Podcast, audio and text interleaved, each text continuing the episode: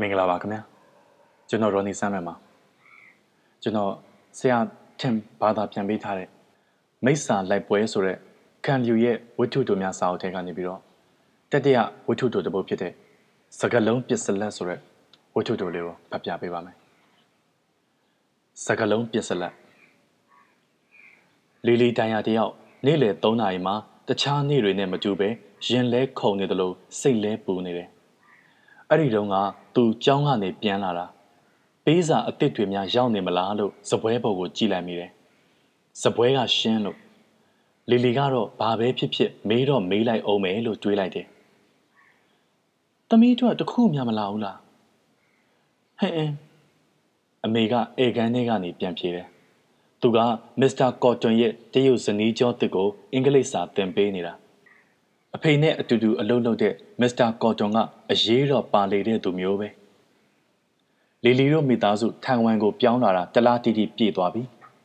ကလီယာဝဲတက်ကဆက်မှာနေစဉ်ကသူဟာလေးတန်းမှာတတိယလူသည်အများဆုံးကောင်မလေးဖြစ်ခဲ့ဘူးတာပေါ့အခုထိအဲ့ဒီကကောင်မလေးတွေတယောက်မှစာမရေးလာကြသေးဘူးဆက်ဆက်ရေးပါမယ်လို့သူတို့အားလုံးဂတိတွေပေးထားတာတောင်းပါလေ American စစ်အခြေစိုက်စခန်းက သူ့ကြောင်အစ်စ်ကိုလီလီမကြိုက်ဘူးတခြားကလေးတွေအားလုံးရဲ့အဖေတွေကတက်ထဲမှာအလုပ်လုပ်တာအဖေကတော့စွန်ရက်စင်ပုံလော်ဘီကန်နဲ့မြို့တဲကနေဖြူပြအလံကြီးလွှင့်ထားတဲ့အဆောက်အုံတစ်ခုမှာအလုပ်လုပ်တာအဲဒါကြောင့်လီလီကထူးဆန်းတဲ့သူဖြစ်သွားပြီးတခြားကလေးတွေက နေ့လယ်စာစားရင် သူနဲ့တူတူမထိုင်ကျင်ကြတော့ဘူးဒီတော့မနက်စောစောကပဲ Mrs. Wild ကသူတို့လီလီကိုဆက်ဆံပုံနဲ့ပတ်သက်ပြီးခေါ်ဆုံးမှသေးတယ် အဲ့ဒီလိုလှုပ်လိုက်မှပိုဆိုးလာရောလီလီကသူ့စပွဲမှာသူထိုင်ပြီးတယောက်တည်းငြိမ်ငြိမ်လေးထိုင်စားနေတယ်တခြားကလေးမတွေနောက်ခုံမှာတွတ်ထိုးနေကြတယ်တရုတ်ဖာတယ်မတွေကဂျလယ်မတွေစခန်းသားမှာအမြဲချိတ်ရှုပ်နေတာလို့စူဇီရန်တလင်းကပြောတယ်စူဇီကအတန်းထဲမှာအလှဆုံးနဲ့အတင်းအဖျင်းအစုံဆုံးကျန်းနေအမေကငါ့အမေကိုပြောနေတာငါကြားလိုက်တယ် သူတို့ကအမေရိကန်စစ်သားတယောက်နဲ့ညှိတာနဲ့အမေဖမ်းဖို့ကြိုးစားတော့တာပဲတဲ့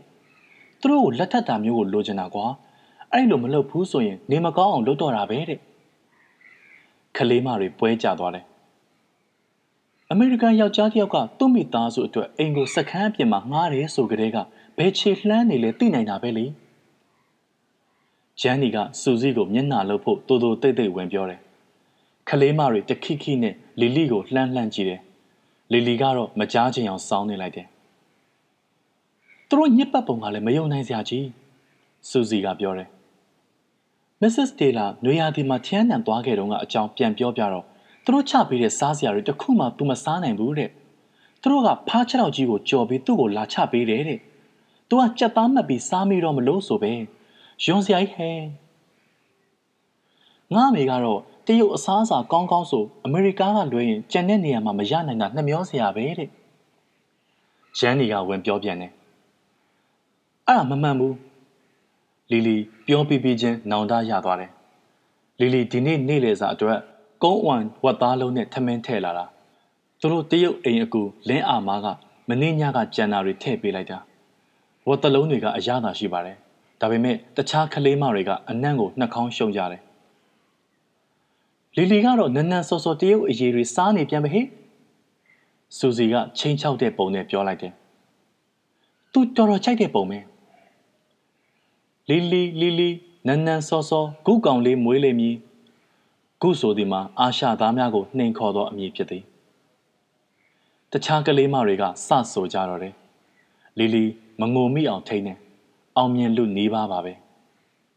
အမေကမီးဖို့ထဲဝင်လာပြီးလီလီဆန်ရွယ်တွေကိုပုတ်တက်ရင်မေးတယ်။ကျောင်းမှာအဆင်ပြေရဲ့လား။ကျောင်းမှာဖြစ်တာတွေကိုသူ့မိဘတွေအသိခံလို့မဖြစ်ဘူးဆိုတာတော့လီလီသိတယ်။သူတို့ကိုညီဖို့စူးစမ်းကြပါလေ။အဲ့ဒါဆိုပိုဆိုးလာဖို့ပဲရှိတယ်။ကောင်းပါတယ်လို့သူပြန်ဖြေလိုက်တယ်။အမေကခေါင်းညှိပြီးအိတ်ခမ်းထဲပြန်ဝင်သွားတယ်။သူ့အခန်းထဲမသွားချင်သေးဘူး သူယူလာတဲ့နန်စီဂျရူးစာအုပ်တွဲတွေအကုန်ဖြတ်ပြီးသွားတော့ဘာမှလှုပ်เสียမကြံဘူးဖြစ်နေတယ်။မိဖို့ခန်းနဲ့လည်းမနေချင်ဘူး။လင်းအာမားကဟင်းချက်ရင်သူ့မီးကျိုးမောင်းပြက်အင်္ဂလိပ်စကားနဲ့သူ့ကိုစကားပြောလိုက်မယ်။ ကုန်းဝံဝတ်တလုံးတွေနဲ့ပတ်သက်ပြီးသူလင်းအာမားကိုစိတ်ဆိုးနေတယ်အဲ့ဒါတရားတော့မတရားပါဘူးဒါပေမဲ့လည်းမတတ်နိုင်ဘူးသူအိမ်ထဲကနေထွက်သွားလိုက်ခြင်းနဲ့ စောစောကမိုးကအပူရော့ပိုင်းဒေသရဲ့လေထုကိုအေးမြသွားစေတယ်လီလီလမ်းလျှောက်ရင်လေးနုအေးလေးကိုခံစားနေလိုက်တယ်သူ့စပင်နီနီကောက်ကောက်တွေကိုကြောင်းသွားရင်စီးရတဲ့မြင်းမိစပင်ပုံကနေဖြီးပြီးခါထုတ်ပစ်လိုက်တယ်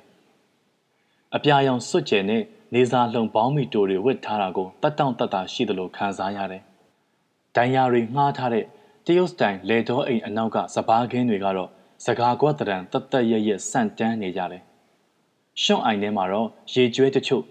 သူတို့ရဲ့ကြောအရေးကွန်ကြမ်းကြမ်းကြီးတွေကိုရှေလျားကော့ညွတ်တဲ့ဂျိုကြီးတွေနဲ့ကုတ်ချရင်းပြင်းတွဲနေကြတယ်။သူတက်ဆက်မှာတီးခဲ့ဘူးတဲ့ဂျိုရှေကျွဲတွေနဲ့မတူတာကအဲ့ဒီကောင်တွေရဲ့ဂျိုကသေးသေးရှည်ရှည်နဲ့ဓာတ်နှစ်ဖက်လိုရှေ့ကိုကြောက်စရာကွေးနေတာပဲမဲ့ဒီကရေကျွဲဂျိုတွေကတော့အနောက်ကိုကော့နေတော့ကြောကုတ်ဖို့ကွက်တိဖြစ်နေကြတာပေါ့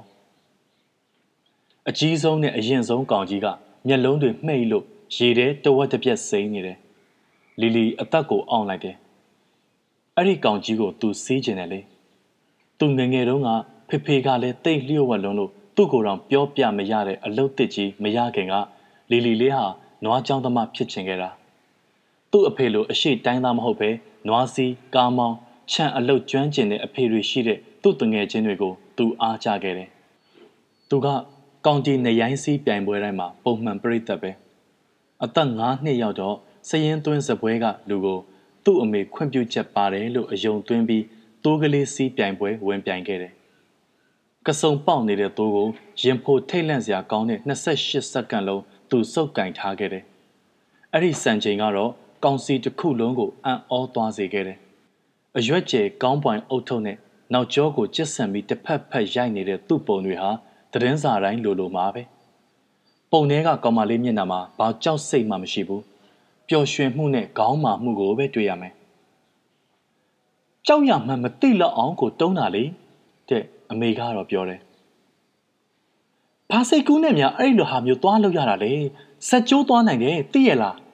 ။လီလီကပြန်မဖြေပါဘူး။သူအဲ့ဒီအကြောင်းလတွေဇက်တိုက်အိမ်မက်လိုက်သေးတယ်။နောက်ထပ်တစ်စက္ကန့်လောက်လေးပဲထက်တောင့်ထားစမ်းပါ။ တိုးကြောဘော်ကသူ့ကိုယ်သူပြောနေမိတယ်။တောင့်ထားစမ်းပါ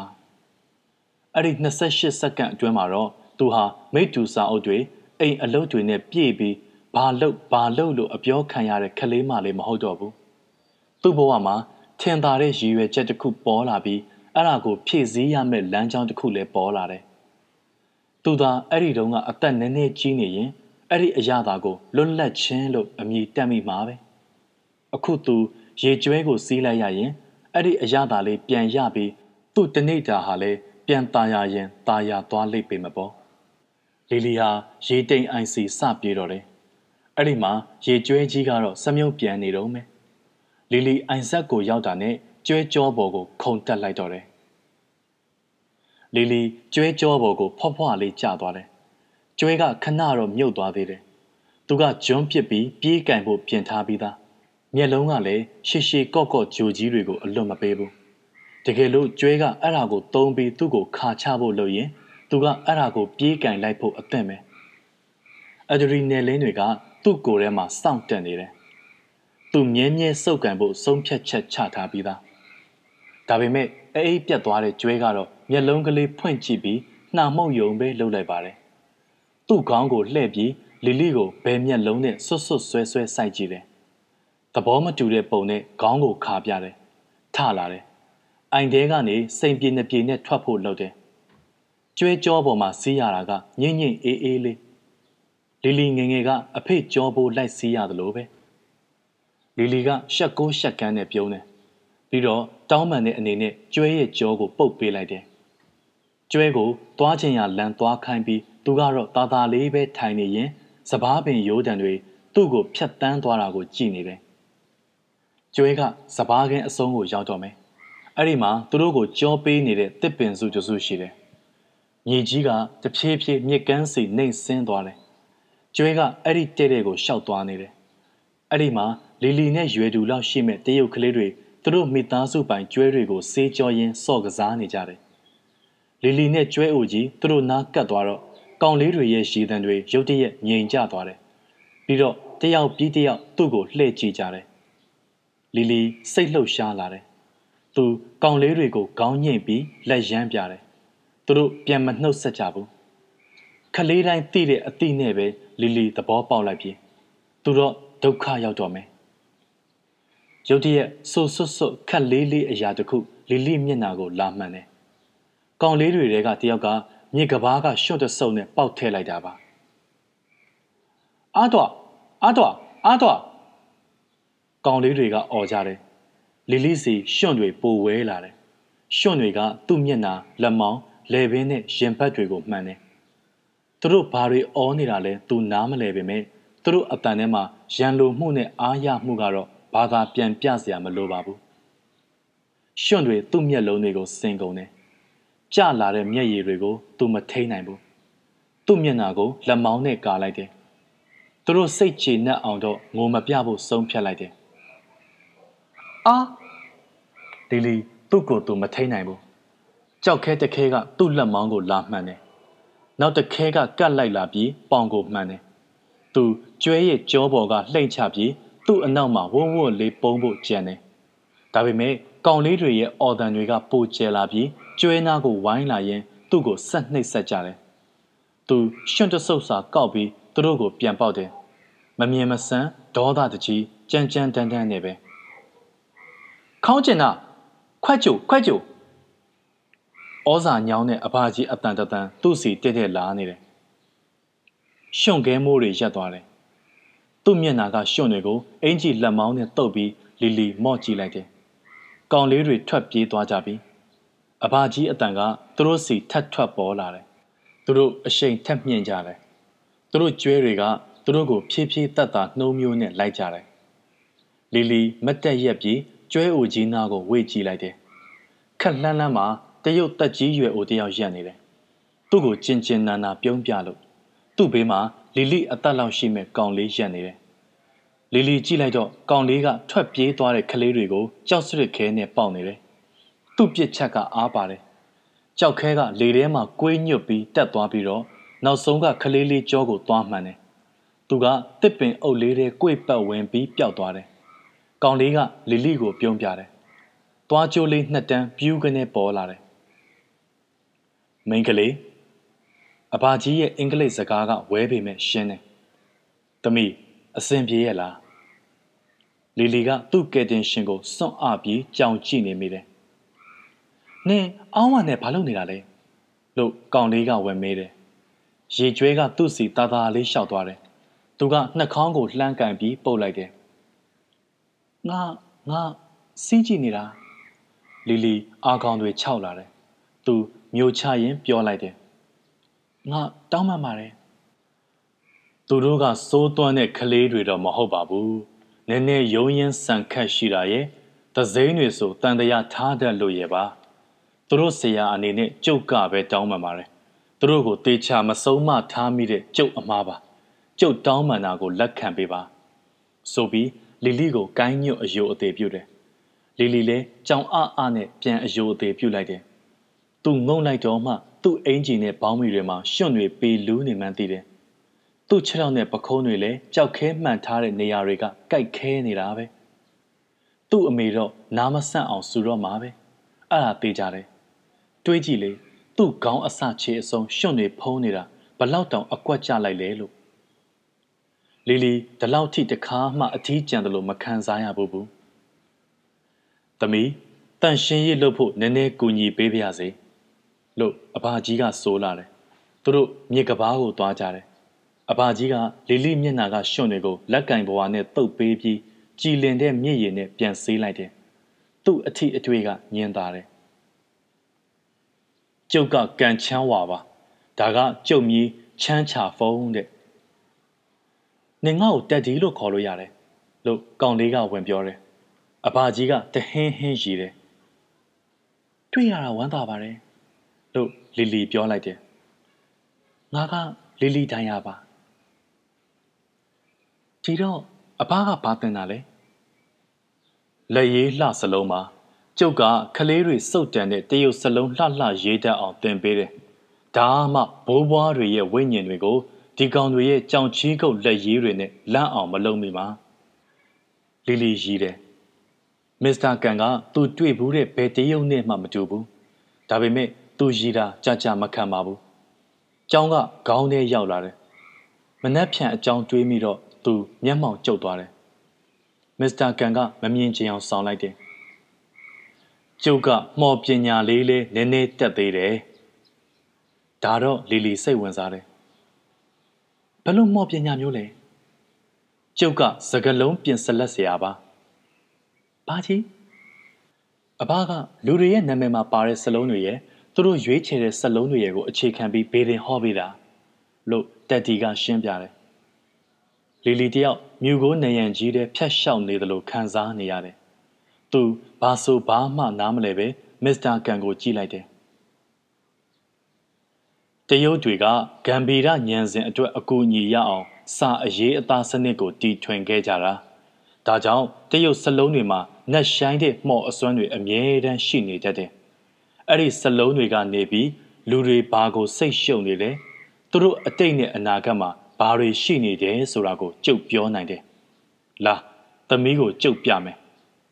စကလုံးတစ်လုံးတွေးလိုက်ဘယ်စကလုံးပဲဖြစ်ဖြစ် လီလီသူ့နားကိုလှည့်ပတ်ကြည့်လိုက်တယ်သူတို့ကမြစ်ဘေးကကြောက်တုံးတွေပေါ်မှာထိုင်းနေကြတာတစ်ပင်တွေကအရွက်တွေဟာရွှေရောင်နဲ့အနေရောင်ပြောင်းစပြုတ်နေတာကိုသူတွေ့တယ်စပားပင်တွေရဲ့အနှံတွေကလည်းလေးလံအိကြလို့မကြခင်ရိတ်သိမ်းခံရတော့မယ်ဆောင်းဦးလို့သူပြောလိုက်တယ်မစ္စတာကန်ကသူတို့ခြေထောက်နားကရှွန့်ပေါ်မှာဒုတ်တချောင်းနဲ့ဆက်လုံးတစ်လုံးရေးလိုက်တယ် ရှွန့်ပေါ်ဒုတ်နဲ့ရေးရလို့မလှမပဖြက်သွားတာတော့ခွင့်လွတ်ပါကျုံမှာစာရွက်နဲ့စုတ်တန်းမှမရှိပဲကိုဒီစလုံးကတော့ချူးလို့ခေါ်တယ်တရုတ်လိုစောင်းဦးလို့အတိတ်ပဲရတာပေါ့အဲ့ဒီကနေသမီးကံကြမ္မာကိုဘလို့ဟောမှလဲအင်းကျုပ်စလုံးတွေကိုခွဲရမယ်ပြီးရင်ပြန်ပေါင်းပေးရမယ်တရုတ်စလုံးတွေကတရုတ်စလုံးချင်းချင်းစုပေါင်းထားတာအိမ်ဆောက်အုပ်တွေစီတယ်လို့ပေါ့ ချိုကတခြားစလုံးနှစ်ခုနဲ့ပေါင်းထားတာဘယ်ဘက်ကဟာကဟဲတဲ့လူဆက်ပြောင်းတို့စပားတို့လိုအစိအနှံပါတဲ့အပင်တွေကိုခေါ်တာအခုမြင်နေရတဲ့စလုံးကရေးဟန်တတ်မှတ်ထားတာရှေးခက်ကတော့သူ့ကိုဒါမျိုးပဲရေးကြတယ်သူကရှုံပေါ်မှာစလုံးထက်ရေးပြတယ်တွေ့လားထိတ်မဲ့အနှံတွေညွတ်သေးနေလို့လေးဤကွေးကြနေတဲ့ရိုးတံရဲ့ပုံမျိုးလေ လီလီကအံ့ဩတကြီးနဲ့ခေါင်းညိတ်ပြတယ်ကဲချိုရဲ့ညာဘက်စလုံးကတော့တမျိုးဟိုဆိုတဲ့မီးလို့အတိတ်ပဲရတယ်တွေ့လားလောင်းနေတဲ့မီးတောင်းနဲ့တူတယ်နော်မီးပွားလေးတွေကလွင့်လို့ကျုပ်လာခဲ့တဲ့တရုတ်ပြည်မြောက်ပိုင်းမှာဆိုစံမရှိဘူးအဲ့ဒီအစားနှံစားပြောင်းစံပြောင်းတဲ့ဂျုံတွေကိုပဲစိုက်ကြတယ်။စောင်းဦးရောက်လို့ကောက်ရိတ်သိမ်းပြီးတလင်းနယ်ပြီးချိန်ဆို ရိုးတံတွေကိုကွင်းထဲမှာစုပုံပြီးရှို့ပြက်လိုက်တယ်။ဒါမှပြာကနေနောက်နှစ်လေအတွက်မြေဩဇာဖြစ်မှာလေ။ရွှေရောင်ရိုးတံနဲ့အနီရောင်မီးတောက်တွေအဲ့ဒီနှစ်ခုကိုပေါင်းလိုက်ရင်ချူးဆိုတဲ့စောင်းဦးကိုရတာပေါ့။လီလီကမြင်ကွင်းကိုပုံဖော်ကြည့်ရင်ခေါင်းငိမ့်ပြတယ်။ဒါပေမဲ့သမီးကချူးကိုရွေးလိုက်တော့အဲ့ဒါကနေကျုပ်ကိုဘာပြောသလဲမစ္စတာကန်ကခဏတွေးရင်းရက်သွားတယ် သူချူးရဲ့အောက်မှာတစ်ချက်နှစ်ချက်ထပ်ဆွဲလိုက်တယ်အခုချူးအောက်မှာဆွဲလိုက်တာကတော့နှလုံးသားဆိုတဲ့စလုံးစင်းပဲအဲ့ဒါကသမီးနှလုံးသားပုံအတိုင်းဆွဲရတာသူတို့ကိုအတူတူပေါင်းလိုက်တော့ချိုးဆိုတဲ့စလုံးဖြစ်လာတယ်အတိတ်ဘယ်ကပူပင်တော့ကားတဲ့လီလီနှလုံးရုတ်တရက်အညစ်ခံရတယ်လို့ဖြစ်သွားတယ်။သူ့အမြင်မှာအရာရာဝေဝါလို့သူအသက်အောင်လိုက်တယ်။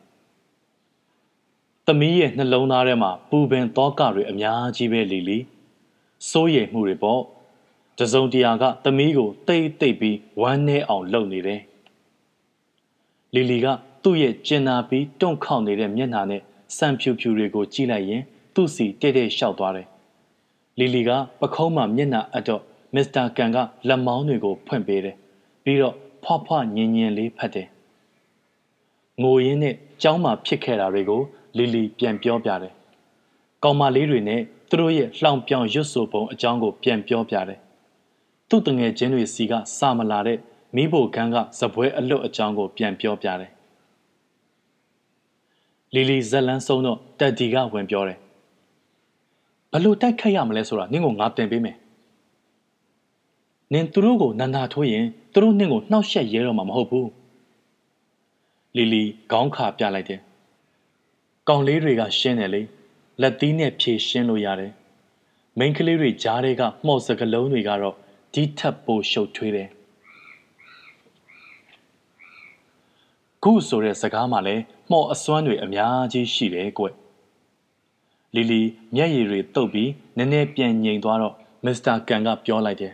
။လီလီသူ့ကိုတအံ့တအောနဲ့ကြည့်လိုက်တယ်။အဲ့ဒီစကားလုံးကကြမ်းလွန်းတော့ သူပြန်ပြောပြတာကြားရင်တောင်စိတ်ဆိုးမယ်ထင်နေတာ။မစ္စတာကန်ကတော့လုံးဝစိတ်မဆိုးဘူး။တချို့တွေကတော့အဲ့ဒီစကားလုံးမှာအောက်လန်းအတက်တွေပါနေပြီးတော့အာရှသားတွေနဲ့သူတို့ကိုမိတ်ဖွဲ့တဲ့သူတွေရဲ့နှလုံးသားကိုလှီးဖြတ်နိုင်မယ်လို့ထင်ကြတယ်။မစ္စတာကန်ကပြောတယ်။ဒါပေမဲ့သူတို့တကယ်မှော့ပညာအစ်စ်ကိုမသိကြပါဘူး။အဲ့ဒီစကလုံးဘယ်ကလာလဲသမီးသိလား။ဟင်း အမေရိကန်စစ်သားတွေကိုရီးယားကိုစရောက်သွားတော့ကိုရီးယားတွေကအမြဲမီခုလို့ပြောနေကြတာသူတို့ကြားတယ်လေ။သူတို့ထင်တာကတော့မီ ME မီငါခုလို့ထင်ကြတာပေါ့ဒါပေမဲ့ဟိုလူတွေကအမှန်တော့အမေရိကန်တွေကိုပြောနေတာမိခုဆိုတာအမေရိကန်ဆိုတဲ့အဓိပ္ပာယ်ပဲကိုရီးယားစကားမှာခုဆိုတာတိုင်းပြည်နိုင်ငံကိုခေါ်တာဒီတော့အမေရိကန်စစ်သားတွေကကိုရီးယားတွေကိုခုလို့ခေါ်နေတဲ့အချိန်မှာ သူတို့ကိုသူတို့ပြန်ရည်ညွှန်းနေတယ်ဆိုတာသူတို့မသိကြဘူးပေါ့ကွယ်။အိုးလို့လီလီဆိုလိုက်တယ်။ဒီအချက်အလက်ကသူ့ကိုကုညီယာရောက်ရဲ့လားတော့သူမသိကြဘူး။သမီးကိုသမီးကာခွယ်လို့ရမယ်မှော်ပညာနည်းနည်းသင်ပေးလိုက်မယ်မစ္စတာကန်ကတက်ဒီဘက်ကိုလှည့်လိုက်တယ်ကြောင်တွေကိုစနေကြမှန်လေးအဖသုံးလို့ရမလား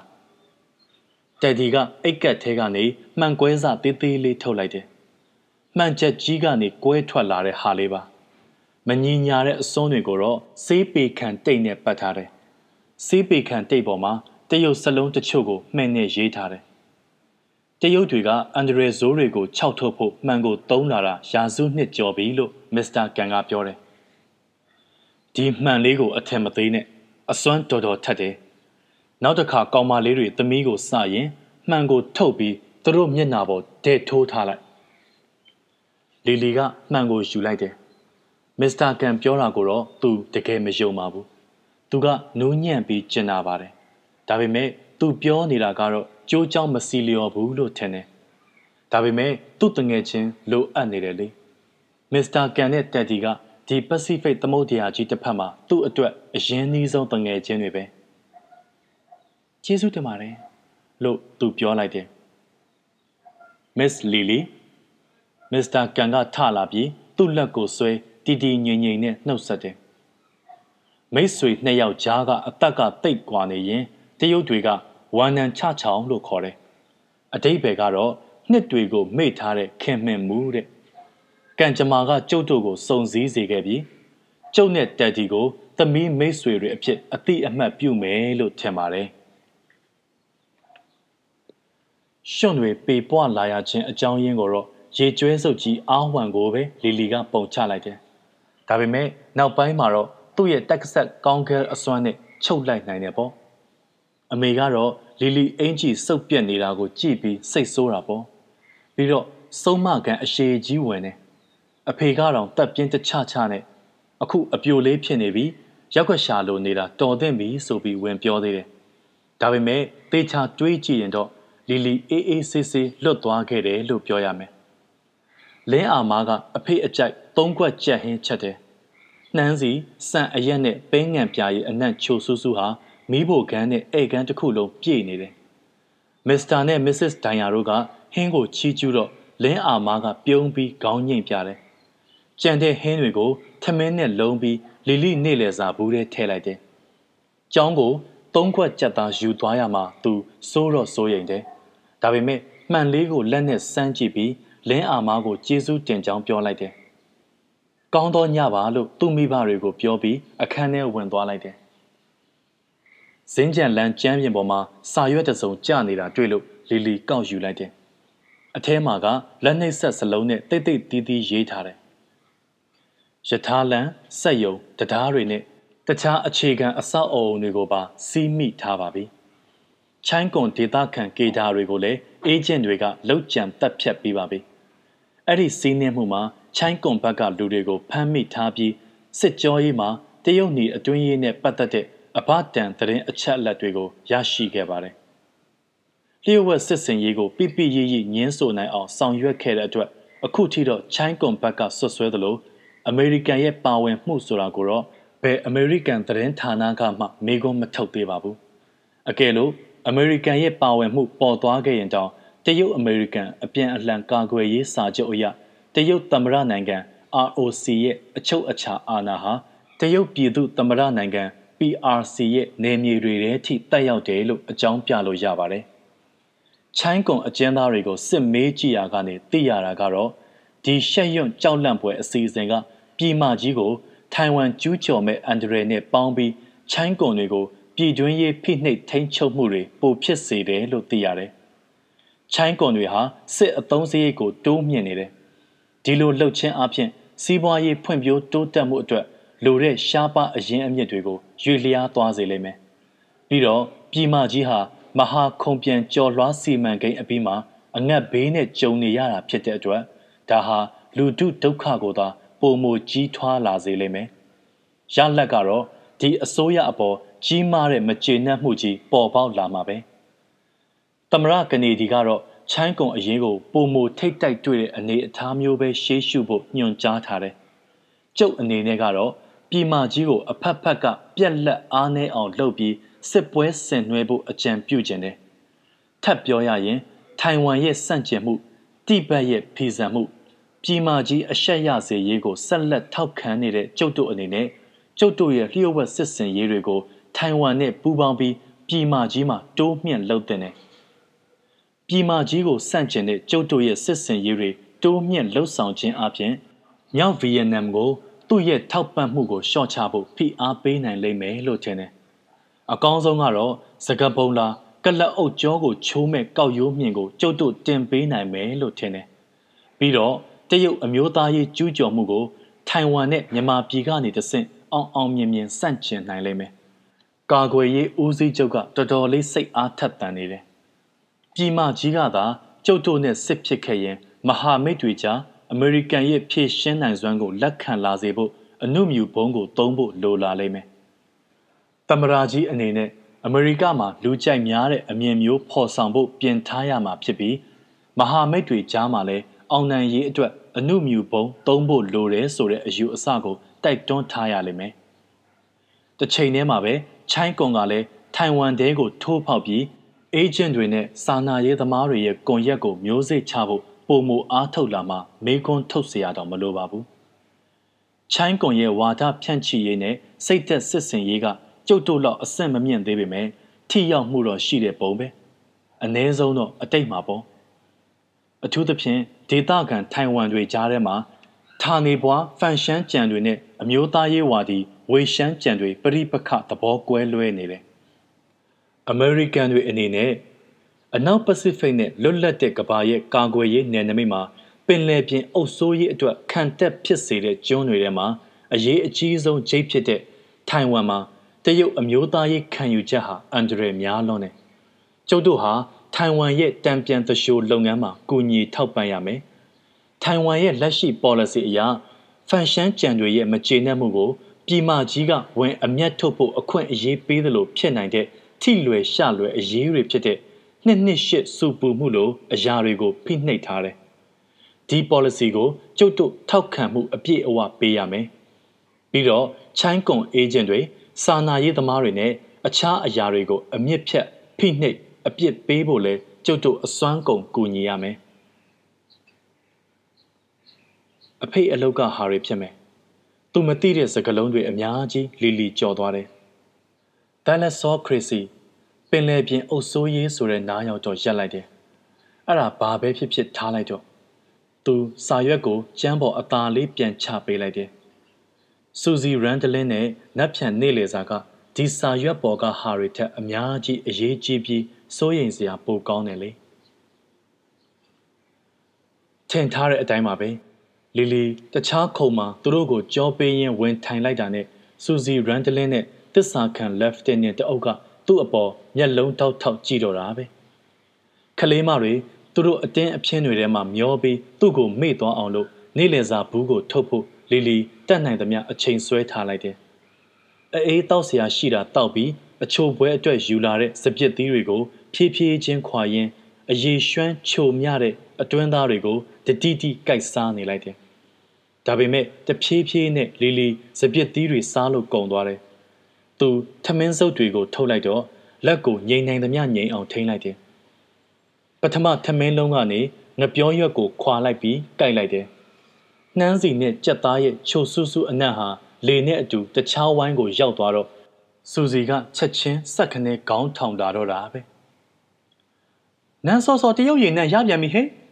လို့ပြောပြီးမဟာတရားပုံနဲ့အနံ့ခံပြတယ်။သူ့နှုတ်ခမ်းတောင်စွန်းတွေညစ်တီးညစ်ပတ်ကွေးသွားတယ်။သူ့အတန်ကြောင့်လီလီကြုံကြုံလေးနဲ့ပုံပုံလေးဖြစ်နေတာကိုသူသဘောကျတယ်သူကအဲ့ဒါကိုตายရတာစူစီနဲ့ကောင်မလေးအုပ်ကမနေ့ကရွတ်တဲ့ဟာပဲထက်ရွတ်ကြတယ်သူတို့စကားတန်ထဲမှာရည်တန်တွေပါဝါမှာရစ်မူးနေတဲ့ရည်တန်တွေသူတို့မျက်လုံးထဲမှာစန္ဒတွေသွေးစာမှုတွေ လီလီငိုရာကိုချင်ချင်းတက်နေပုံတွေအင်းလေစမ်းကြည့်လို့တော့အကျိုးမရုပ်ပါဘူးလို့လီလီတွေးလိုက်တယ်သူကောင်မလေးတွေဘက်လှည့်လိုက်တယ်မြှောက်ထားတဲ့ညာဘက်လက်ထဲမှာကမစ္စတာကန်ပေးထားတဲ့မှန်ကလေးသူမှန်ကိုစူစီဘက်လှည့်လိုက်တယ်။နေ့လက်ထဲကပါလေ။စူစီကရည်ပြီးပြောတယ်။သူ့ကိုလီလီကစစ်ပြေငိမ့်ဖို့လက်ဆောင်ပန်တာတစ်ခုခုဆက်တာတယ်ထင်နေသေးတယ်။ငတုံးမှလေးပဲ။ သူ့မျက်ရည်ကလွဲလို့သူဘာများကန်းလှမ်းနိုင်အောင်မလဲ။စူစီကမှန်တဲကိုကြည့်လိုက်တယ်။လှပတဲ့မျက်နှာလေးအစားသူမြင်လိုက်ရတာကသွေးစွန်းနေတဲ့နှုတ်ခမ်းတစုံပါပဲ။လူပြက်တယောက်လိုလှောင်ပြောင်ပြုံးပြလို့ရှာနေရမှာရုပ်ဆိုးပြီးတီထွေးနဲ့တူတဲ့လက်တံတွေအာကတွင်းနဲ့တွန့်လိန်နေတာမြင်လိုက်ရတယ်။မျက်လုံးပြပြတစုံကလက်ဖက်ရည်ကွက်လောက်ပြူးကျဲနေတယ်။အဲ့ဒီထဲမှာအမုန်းတရားတစ်ဝက်အံ့ဩခြင်းတစ်ဝက်ဖြည့်ထားတယ်။ ဒါဟာသူတွေ့ဘူးသမျှထဲမှာရုပ်အဆိုးဆုံးနဲ့ကြောက်ဖို့အကောင်းဆုံးမြင်ကွင်းပဲ။သူမကောင်းဆိုးဝါးတကောင်ကိုမြင်လိုက်ရတာလေ။စူစီလက်အော်ပြေပါဇက်ကိုလက်တွေနဲ့အုပ်တယ်။မှန်တဲကမကောင်းဆိုးဝါးကလည်းအမွှေးထူတဲ့လက်ဖွားတစ်စုံကိုမပြီးသွေးစွန်းနှုတ်ခမ်းတွေရှေ့မှာကားတယ်။ဓမြောင်လိုရှည်လျားတဲ့လက်သေးတွေကမှန်တဲကထွက်လာတော့မတက်ပဲ။စူစီလှဲ့ပြေးတော့ရွတ်နေကြတာတွေကရုတ်ချီးရက်သွားတယ်။ အဲ့ဒီနေရာမှာသူ့လိုပဲမှန်ထဲမှာမကောင်းဆိုးဝါးကိုစီမြင်လိုက်ရတဲ့ကောင်မလေးတွေရဲ့အော်တန်တွေကအစားထိုးဝင်လာတယ်။နောက်တော့အယူတစ်ပိုင်းစူစီကို Mrs. Wine ကအိမ်ပြန်ပို့လိုက်ရတော့တယ်။စူစီကလီလီစီကမှန်ကိုသိမ်းဖို့ Mrs. Wine ကိုတိုက်တွန်းတယ်။ဒါပေမဲ့တမနစ်လောက်တေချာစစ်ဆေးပြီးတော့မှန်ဟာတာမန်မှန်တစ်ချက်ပဲဆိုတာဆုံးဖြတ်ပြီးလီလီစီပြန်ပေးလိုက်တယ်။စူစီမိဘတွေကိုတတိပေးစာရေးရမယ့်အချိန်မှာ သူတက်ပြင်းချသေးတယ်။စူစီကြောင်းမတက်ချင်လို့ကိစ္စတစ်ခုလုံးကိုညာပြောနေတာလို့သူကတန်တရားရှိတယ်။ဒါပေမဲ့ကောင်မလေးကတော့တရုတ်ဆောင်ကောင်းလွန်းနေတယ်လေ။နေ့လေကင်းအတန်းချိန်တွေရောက်တော့လီလီတယောက်အိတ်ကက်သေးကမှန်လေးကိုစမ်းကြည့်ရင် သူ့ဘာသာသူပြုံးနေလေရဲ့နင်ကဘေ့စ်ဘောကစားတာတဲ့တော့တာပဲလီလီကအာဝမ်အပေါ်အမြင့်ကနေလှမ်းပြောတယ် တက်ဒီကပခုံးတွန့်ပြတယ်သူကအာဝမ်ရဲ့ရှေ့ကနေသွားနေတာသူ့ကိုနှာခေါင်းကဆွဲပြီးဖြည်းဖြည်းပဲရှောင်နေတယ်ဒါမှလီလီစီးရတာချောချောမွေ့မွေ့ဖြစ်မှာလေတက်ဒီကစကားနေတယ်အစကတော့သူ့အင်္ဂလိပ်လေယူလေသိန်းကမစ္စတာကန်လောက်မကောင်းတာကြောင်းလို့ထင်မိသေးတယ်။ဒါပေမဲ့တခြားတရုတ်ကလေးတွေကိုလည်းသူနည်းနည်းပဲပြောတာကိုတွေ့ရတယ်။တက်ဒီကလီလီကိုရွာတွေကကလေးတွေနဲ့မိတ်ဆက်ပေးတယ်။သူတို့တွေကတချို့က မနေ့ကလီလီကိုရှွန့်နဲ့ပေါက်ခဲ့ကြတာ။သူတို့ကလီလီကိုခေါင်းပဲညှိမ့်ပြပြီးရှက်ကိုရှက်ကန်းနဲ့လှည့်သွားကြတယ်။သူတို့ဘေ့စ်ဘောကစားကြတယ်။တက်ဒီနဲ့လီလီပဲစီကန်းတွေအကုန်လုံးတည်တာ။ဒါပေမဲ့ကလေးတွေစခန်းကအမေရိကန်စစ်သားတွေကစားတာကိုကြည့်ပြီးသဘောတော့ပေါက်ကြပါတယ်။လီလီကဘေ့စ်ဘောကိုချစ်တယ်။အိမ်နဲ့ပတ်သက်ပြီးသူလွမ်းတဲ့အထက်မှာအဖေနဲ့ဘေ့စ်ဘောကစားရတာရဲ့သူ TV ကနေကစားပွဲတွေတူတူကြည့်ရတာလည်းပါတယ်ဒါပေမဲ့ထိုင်ဝမ်ကိုရောက်ကြတဲ့က TV မှာဘာကစားပွဲမှမလာတော့သလိုသူလည်းအချိန်ရတဲ့ပုံမပေါ်တော့ဘူးလီလီဘတ်တန်ရိုက်ရမယ်အလှဲ့ကြတော့ဘောလုံးပစ်ပေးရတာကမနေ့ကကလေးတွေတဲကတယောက်သူကတတဖြည်းဖြည်းမြှောက်ပေးလိုက်တော့လီလီကညင်ညင်သာသာလေးရိုက်ထုတ်လိုက်တယ်ကွင်းပြင်သမားတွေကပြေးဝင်လာပေမဲ့မျက်ခင်းထဲကဘောလုံးကိုသူတို့ရုတ်တရက်ရှာမတွေ့ဘူးဖြစ်နေတယ် လီလီတတရရပဲစီးကိုပတ်လိုက်နိုင်တယ်ကောင်လေးတွေရဲ့သူ့ကိုတောင်းပန်နီးပဲလို့လီလီသဘောပေါက်လိုက်တယ်ဒါနဲ့သူတို့ကိုပြုံးပြပြီးအယိုးအသေးပြုတ်လိုက်တယ်အကုန်လုံးကိုခွန့်လွတ်ပါတယ်ပေါ့ကောင်လေးတွေသူ့ကိုပြန်ပြုံးပြတယ်အဘသာရှိရင်တော့ဖုထဖုဆန်းရှိလို့ပြောလိုက်မယ်အတိဘယ်ကတော့မတိုက်ခိုက်ဘူးပဲမိတ်ဆွေမဖြစ်နိုင်ဘူးတဲ့တိတ်ကောင်းတဲ့တသနာပဲ ဒါပေမဲ့မိန်းကလေးတွေကြားမှာတော့အလုပ်ဖြစ်ပါမလားဆိုတာတန်တရားဝင်စရာပဲလောလောဆယ်တော့တက်ဒီကကလေးတွေထဲမှာအကောင်းဆုံးကစားသမားပဲသူကအပြစ်လဲကောင်းတယ်လို့အရိုက်လဲတော်တယ်သူဘတ်တန်ကင်ပြီးဆိုတာနဲ့တစ်ဖက်အသင်းကပြာရခတ်ကုန်ပြီသူကအစွမ်းကုန်စော်တော့မှသူတို့သိနေတာကိုတနေ့ငါအသက်ကြီးလာရင်အမေရိကကိုပြောင်းမယ်ရက်ဆော့အတွက်ကစားမယ်တက်ဒီကကျွဲပေါ်ကလီလီကိုလည်းလှဲ့မကြည့်ပဲရုတ်တရက်ကြီးထပြောတယ် ထိုင်ဝမ်ကတရုတ်လေးတယောက်က Red Sox အသင်းမှာ baseball ကစားမယ်ဆိုတဲ့အတွေးကရည်ကျင်စရာတော့ကောင်းတယ်ဒါပေမဲ့လီလီမရီမိအောင်ထိန်းလိုက်တယ်တက်ဒီကနောက်နေတဲ့ပုံမှမပေါ်တာကိုသူကတော့ယန်ကီအသင်းကိုပိုစိတ်ပါတယ်သူ့အမေဘက်ကမိသားစုကနယူးယောက်ကိုဘာလို့ဘော့စတွန်ကိုရွေးတာလဲအဘကဘော့စတွန်မှာကြောင်းတက်ခဲ့တာလေ။အော် မစ္စတာကန်အဲ့ဒီလိုနဲ့အင်္ဂလိပ်လိုတက်ခဲ့တာကိုလို့လီလီတွေးလိုက်တယ်။ငါဒီထက်ပိုစောမွေးခဲ့ရမှာဒါဆိုငါတက်ဝီလီယံနဲ့အတူတူကစားလို့ရတယ်။အခုတော့သူကစားတာကိုငါဘယ်တော့မှအပြင်မှာမြင်ရဖို့မရှိတော့ဘူး။သူမနှစ်ကနားသွားပြီ။သူ့အတန်ထဲမှာကြေကွဲမှုပါတယ်။အဲ့ဒီနောက်ဘာမှဆက်မပြောပြပဲမိနစ်အနည်းငယ်လောက်ငြိမ်ချသွားတယ်။အာဝံရဲ့ကြေလောင်တဲ့နှာမှုတ်တန်ကသာ သူတို့ရဲ့တိတ်ဆိတ်တဲ့လမ်းကိုအဖော်ပြုတ်ပေးနေတယ်။လီလီရုတ်တရက်တစုံတစ်ခုကိုသဘောပေါက်သွားတယ်။အဲ့ဒါကြောင့်နင့်ကိုနင်တက်ဒီလို့ခေါ်တာလား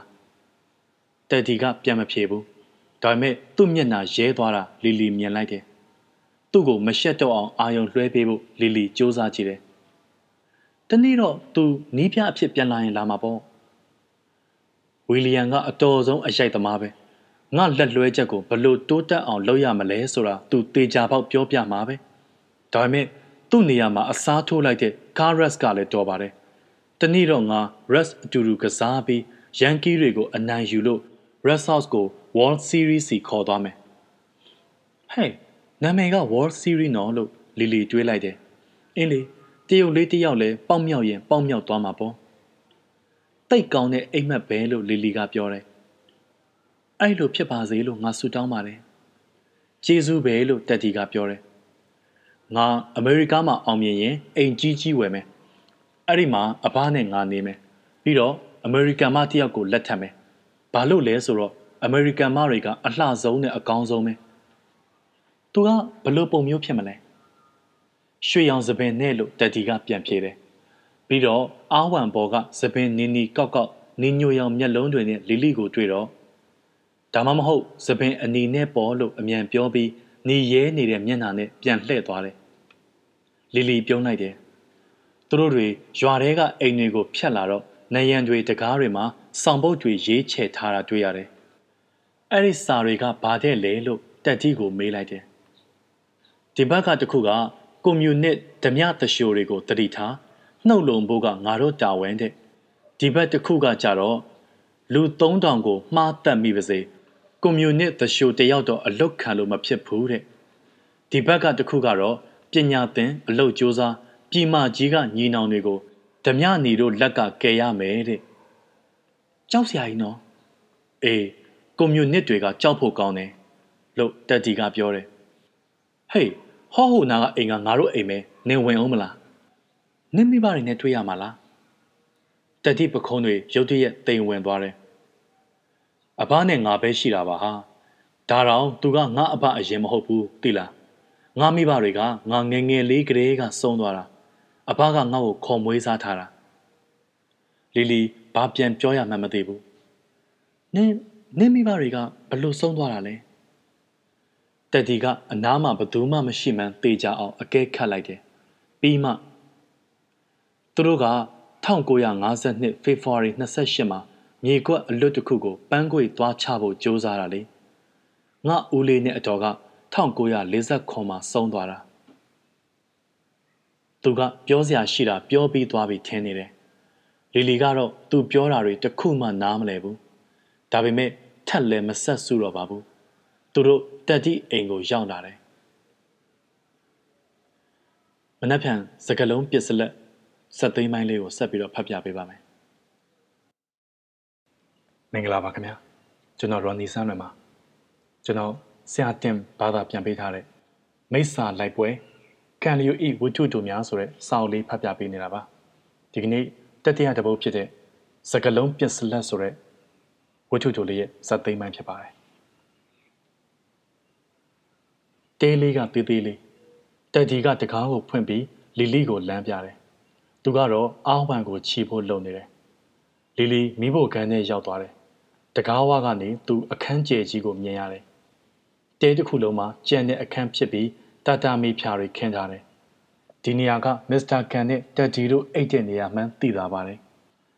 မစ္စတာကန်ကမိဖို့ကန်စပွဲပူလေးရှေ့ခုံမှာသူ့ကိုထိုင်ခိုင်းပြီးလက်ဖက်ရည်တစ်ခွက်ဖြောပေးတယ်သူမိဖို့မှာတစ်ခုခုချက်နေတာအနံ့ကတော့အရသာရှိမဲ့ပုံပဲ။သမီးစားချင်ရင်ဒိုးနဲ့အတူစတူးဝင်စားလို့ရတယ်။တက်ဒီကတော့ကြိုက်တယ်။ သမီးလည်းကြိုက်မယ်ထင်ပါတယ်။မွန်ဂိုလီယန်စတိုင်တိုးသားစတူးကိုရှန်ထုံးစတိုင်ငါးဟင်းကြိုနဲ့အတွဲအဆက်ကိုသမီးကဘာပေါ်မှာရှာရင်တွေ့မယ်မထင်ဘူး။ဟာဟာ။လီလီခေါင်းညှိပြလိုက်တယ်။ကောင်းမွန်တဲ့ဟင်းငွေတွေရှူမိတော့သူ့ဘိုက်ကဂွေကနေမြည်လာတယ်။သူတတ်တောင့်တတ်တာရှိပြီးစိတ်အေးချမ်းသာနေတယ်မှန်အတွက်ကျေးဇူးတင်ပါတယ်အလုပ်ဖြစ်တယ်လီလီကပြောပြီးတော့မှန်ကိုစပွဲပေါ်တင်လိုက်တယ် တိတ်ပေါ်ကစကလုံးတွေကဘာလဲလဲအနာလက်ကျမ်းတွေကပါယေရှုခရစ်ကလည်းအဲ့ဒါနဲ့တပုံစံနဲ့တူတဲ့စကားကိုပြောဘူးသေးတယ်တင်တို့သည် ကို၌သူတပားပြုစေလိုသည့်အတိုင်းသူတပား၌ပြုကြလောတဲ့။အိုးလီလီစိတ်ပြတ်သွားတယ်။သူကအဲ့ဒီစကလုံးတွေကိုမှော်ကားထားပြီးအောင်းမိနေတာ။မစ္စတာကန်ကလီလီတွေးနေတာကိုသိတဲ့ပုံပဲ။ မှော်စကလုံးတွေကတခါတည်းရန်အထင်လွဲခံရတယ်ကွ။ဥပမာသမီးနဲ့တခြားကောင်မလေးတွေကဂုဆိုတာကိုမှော်စကလုံးလို့ထင်ကြတယ်လို့ပေါ့။သူ့မှာစွမ်းအားတစ်မျိုးရှိနေတယ်။ဒါပေမဲ့မသိမှုကိုအခြေခံထားတဲ့ဗလာစွမ်းအားကြီးပဲ။မှော်ပညာနဲ့စွမ်းအင်ပါတဲ့တခြားစကလုံးတွေလည်းရှိပါသေးတယ်။ဒါပေမဲ့သူတို့ကအတွေးအခေါ်နဲ့စင်ကြင်မှုလိုအပ်တယ်ကွ။လီလီကခေါင်းညိတ်ပြလိုက်ပေမဲ့အတိတ်ဘယ်ကိုနားမလဲဘူး စကလုံးပေတင်ဟောတာထက်လို့ပြလို့ရမလားလို့သူမေးလိုက်တယ်ရတာပေါ့လို့မစ္စတာကန်ကဖြေတယ်အိုးကိုအဖုံးပိတ်လိုက်ပြီးလက်တုပ်တယ်စက်ကူစုတ်တန်နဲ့မှင်တွေသွားယူလာတယ်ဘယ်စကလုံးကိုလှုပ်ချင်လဲတဲ့အင်္ဂလိပ်လိုလှုပ်နိုင်ရင်တော့ပိုးအထင်ကြီးစရာပဲတန်တီကမင်းဖို့ကန်းနဲ့ဝင်လာရင်ပြောတယ်ဟုတ်တယ်အင်္ဂလိပ်လိုရလာရင်လီလီကလက်ခုပ်တီးရင်မေးတယ် ကျုပ်စူးစမ်းကြည့်တာပေါ့မစ္စတာကန်ကရီးပြီးပြောတယ်ဒါပထမဆုံးပဲဖြစ်မယ်သူကစုတ်တံကိုလီလီစီကမ်းပေးလိုက်တယ်အရင်ဆုံးခေါင်းထဲပေါ်လာတဲ့စကလုံးကိုလီလီဖြည်းဖြည်းချင်းချရေးလိုက်တယ်ဘယ်လဆောခရစီလေသူနားမလဲတဲ့စလုံးပေါ့အိုးဒီစကလုံးကိုကြုတ်မသိဘူးခတ်တော့ခတ်ပြီးသူကမျက်မှောင်ကုတ်တယ်လီလီကအသက်အောင်ပြီးစဉ်းစားတယ် မှော်ပညာကအင်္ဂလိပ်လိုအလုံးမဖြစ်ဘူးလားမစ္စတာကန်ကပခုံးတွန့်ပြီးကဲပါလေစမ်းကြည့်တာပေါ့ကြည့်ရအောင်စကလုံးရဲ့အလဲမှာကတခြားစကလုံးတစ်ခုရောက်နေတယ် LASS last main ကလေးတဲ့ဒါကသမီးကိုရည်ညွှန်းတာပဲသူကစုတ်တန်အဖျားနဲ့လီလီကိုချိန်ပြလိုက်တယ် LASS ရဲ့အနောက်မှာအိုလေးလိုက်လာတယ်။စောက်ဝိုင်းပုံကျိုးလေးပေါ့။သူ့အနောက်ကိုလိုက်နေတာ။ ပေါင်းလိုက်တော့လက်ဆိုကျိုးခွင်းဆိုတာရတယ်။อืมလီလီသမီးကောင်းကဲဖြစ်ချင်ခဲ့ဘူးလား။လီလီကခေါင်းညှိပြီးပြုံးပြတယ်။သမီးကတက်ကဆက်မှာမွေးတာလေ။ဘမွေးကလေးကမြင်းဘလို့စီးရမလဲသိတယ်ဒါဆိုလက်ဆိုပြီးတော့ဘာစလုံးတွေကြံသေးလဲ TH တာရဲ့ CRACY crazy ရဲ့ကြံမယ်အဲ့ဒါတွေကိုပြန်စီလိုက်ရင် CATHAY ကတ်သေးဆိုတာရတယ် C နဲ့ R ပဲကြံမယ် C ကတော့ SEA C ကိုပဲနောက်တစ်မျိုးခေါ်တဲ့နာမည်ကွာကတ်သေးဆိုတာကရှေးတုန်းကတရုတ်ပြည်ကိုခေါ်တာဒါဆို R ကဘာလဲအာသိပြီသမီး R ကိုရေးထားတဲ့ပုံစံကငှက်ကလေးပြန်နေတယ်လို့ပဲဆိုတော့လီလီရေမိန်းကလေးဟာကျိုးခွင်းကင်ပြီးပင်လယ်ကိုဖြတ်လို့တရုတ်ပြည်ကိုရောက်လာတယ်ဆိုတဲ့ကံကြမ္မာကိုပြတာပဲဟာဟာ ကံကြမ္မာကြောင့်တို့တွေမိတ်ဆွေဖြစ်ရတာဟဲ့လီလီကပျော်ရွှင်အံ့ဩပြီးလက်ခုပ်တစ်ဖြောင်းဖြောင်းကြည့်တယ်မစ္စတာကန်ကတိုးသားနဲ့ငါးစတူးကိုတက်ဂျီနဲ့လီလီအတွက်ပကံလုံးနှလုံးစာထည့်ပေးလိုက်တယ်စတူးကကောင်းတယ်လင်းအာမလှုပ်တာတွေနဲ့မတူဘူးမှုေးတယ်ညက်တယ်ကြက်သွန်မိတ်နက်လေးသင်းနေတယ်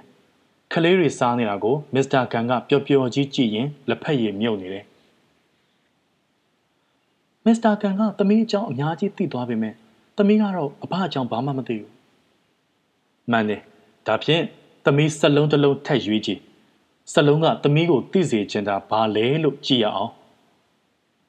လီလီစဉ်းစားလိုက်တယ်အမေရိကဆိုရင်ကောအဖအဲ့ဒီမှာနေခဲ့သေးတယ်မလားမစ္စတာကန်ကခေါင်းညိတ်ပြတယ်ရွေးတာတော်တယ်သူ့စုပ်တန်နဲ့သူစရေးတယ် ဒါကမေးတဲ့အလှဆိုတဲ့စလုံးပေါ့အမေရိကကိုတော့မေကောလို့ခေါ်တယ်လှပသောနိုင်ငံပေါ့စလုံးနှလုံးကိုထပ်ပြီးစီထားတာတွေ့လားအပေါ်ကစလုံးကသိုးတဲ့တိုးချိုလေးထောင်းနေတာမြင်လားအောက်ကစလုံးကတော့ကြီးမြတ်တော်တဲ့သူ့ကိုတော့လူတယောက်မတ်တက်ရက်ပြီးခြေတွေလက်တွေဖြန့်ကားနေတဲ့ပုံရေးရတယ်မစ္စတာကန်ကမတ်တက်ထားရက်ပြီးတရုပ်ပြသေးတယ် ရှေးတရုပ်တွေဟာရိုးရှင်းနေကွသူတို့ကတိုးဝဝကြီးကြီးတကောင်ရရင်အဲ့ဒါကျွဲဝခြင်းအင်းငိမ့်ခြင်းစိန်ကြခြင်းပျော်ရွှင်ခြင်းလို့ယူဆတယ်အဘအခုဒီအသက်အရွယ်ရောက်လာတော့မှသူတို့ဆိုလိုတာကိုသဘောပေါက်တော့တယ်လီလီကလည်းတိုးကလေးစီးပြိုင်ပွဲကိုတွေးမိပြီးသဘောလိုက်ပေါက်သွားတယ်မစ္စတာကန်ကသူ့မျက်လုံးတွေကိုမှိတ်ရင်းဆက်ပြောတယ်အဘက ရှန်ထုံးကစားကုန်တဲ့မိသားစုကလာတာချမ်းသာတယ်ပေါ့လေအဘငငယ်ကလူတွေကအဘညံကောင်းပြီးစကားတက်တာကိုချီးကျူးကြတယ်အဘအဖေကလည်းအဘကတော့ကံမျိုးရိုးကိုဂုံတက်စေမဲ့အရာတစ်ခုခုလုပ်လိုက်မယ်လို့ထင်ခဲ့တယ်အဘအရွယ်ရောက်လာတော့သူကပိုက်ဆံပမာဏတော်တော်များများချီးပြီးအမေရိကပညာသင်ပို့ခဲ့တယ်အဘကစကလုံးတွေနဲ့သူတို့ရဲ့စွမ်းအားတွေကိုစိတ်ဝင်စားတော့ဥပဒေပညာကိုသင်ပြခဲ့တယ် မစ္စတာကန်ကစက်ကူပေါ်မှာနောက်စလုံးတစ်လုံးထက်ရေးလိုက်တယ်တိုးကနေထက်ပြောင်းသွားတဲ့စကလုံးတွေကနေတဆင့်ဘာတွေပြောပြနိုင်အောင်မလဲကြည့်ရအောင်အဘအဲ့ဒီစတူးကိုစတော့ဖို့တော့ဘော့စတွန်မှာဥပဒေကျောင်းသားဘဝပေါ့အဘမိတ်ဆွေနဲ့အခန်းတူတူငှားနေကြတာပိုက်ဆံလည်းမရှိပါဘူးစားသမျှကလည်းပေါင်မုံနဲ့ရေးကြီးပဲတရက်တော့တရုတ်တန်းကစားတော့ဆိုင်ပိုင်ရှင်ဖြစ်တဲ့ အဘတို့အိမ်ရှင်ကတနာလို့ထင်ပါရဲ့ငါအပုတ်တွေနဲ့တိုးသားအကျွင်းအကြံတွေပေးတယ်အဘကငါပြုတ်ရည်ကောင်းကောင်းဘလို့လုပ်ရမလဲသိတယ်မန်ချူရီးယားကလာတဲ့အဘမိတ်ဆွေကမွန်ဂိုလီယန်တိုးသားကောင်းကောင်းချက်တတ်တယ်အမွေးအကြိုင်ဆိုတဲ့စကလုံးကိုကတိုးနဲ့ငါပေါင်းထားတာဆိုတော့ဒီနှစ်ခုကိုဟင်းသေးထည့်ချက်လိုက်ရင်တော်တော်အရသာရှိမယ်လို့အဘတွေးမိတယ်တကယ်လဲအလုပ်ဖြစ်တယ် အဘဘဝမှာတခါမှအဲ့ဒီလောက်ပြောခဲ့ဘူးမယ်မထင်ဘူးစကားပြင်စလက်အတက်ကဟင်းချက်တဲ့နေရာတောင်အသုံးဝင်တာပဲမစ္စတာကန်ကခလေးလေးလိုရည်တယ်နောက်1931ကျတော့ဂျပန်တွေမန်ချူရီးယားကိုကျူးကျော်ကြတယ်အဘမိတ်ဆွေဟာသူ့အိမ်ကိုကာကွယ်ဖို့အမေရိကကထွက်သွားတယ်နောက်တော့သူဂျပန်တွေကိုတိုက်ဖို့ကွန်မြူနစ်ဖြစ်သွားတယ်လို့အဘကြားတယ်တစ်နှစ်လောက်လဲကြာရော သူ့ကိုဂျပန်တွေတပ်ပစ်လိုက်ပါလေရောမစ္စတာကန်ကလက်ဖက်ရည်ကိုတငုံတောက်တယ်သူ့လက်တွေတုံးနေတယ်အဘကငကြောက်ပဲအဲ့ဒီတုန်းကအမေရိကမှာအဘအတွက်အလုပ်ရဲตาရတဲ့ဘဝရရှိနေတယ်အဘလုံးကြုံတယ်စစ်ထဲမလိုက်ချင်ဘူးစစ်ကြီးပြီးသွားရင်ငါဒီထက်ကူညီနိုင်မှာပါလို့ကိုကိုကိုပြောရင်းအကြောင်းပြနေခဲ့တယ်။ဒါပေမဲ့ ဂျပန်ကမန်ချူရီးယားလောက်နဲ့မတင်းတိမ်ဘူး။နှစ်နည်းနည်းကြာတော့ကြံတဲ့တရုတ်ပြည်ကိုပါကျူးကျော်ပါလေရော။ဒီနေ့အဘနိုးလာတော့အဘတို့မျိုးအသိမ်းခံရပြီဆိုတာသိရပြီးအဘမိသားစုစီကစာတွေလာနေတာလဲရပ်သွားတယ်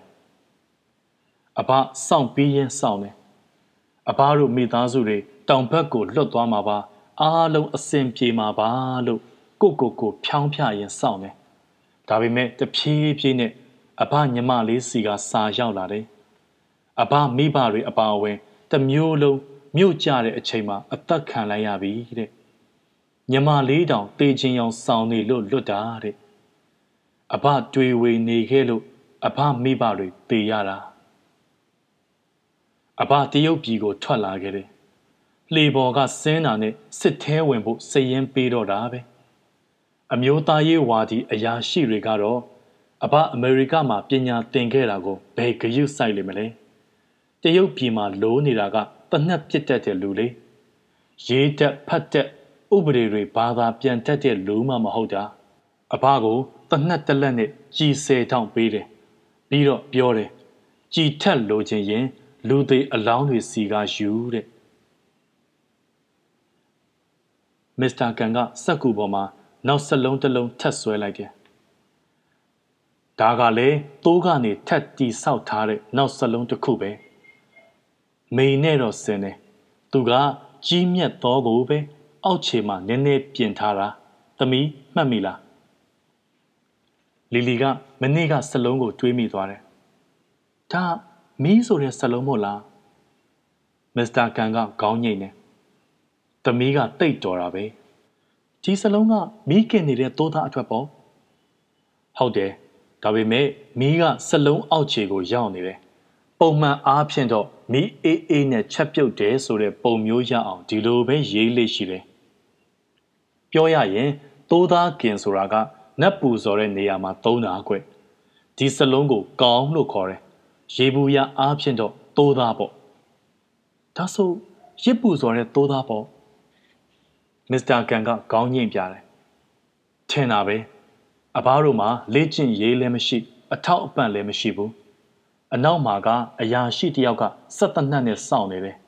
ထွက်ပြေးရင်ပြက်မှာအရှိမာကဂျပန်တွေလှန်စွတ်တွေနဲ့ပြေးဝင်လာနေကြတာ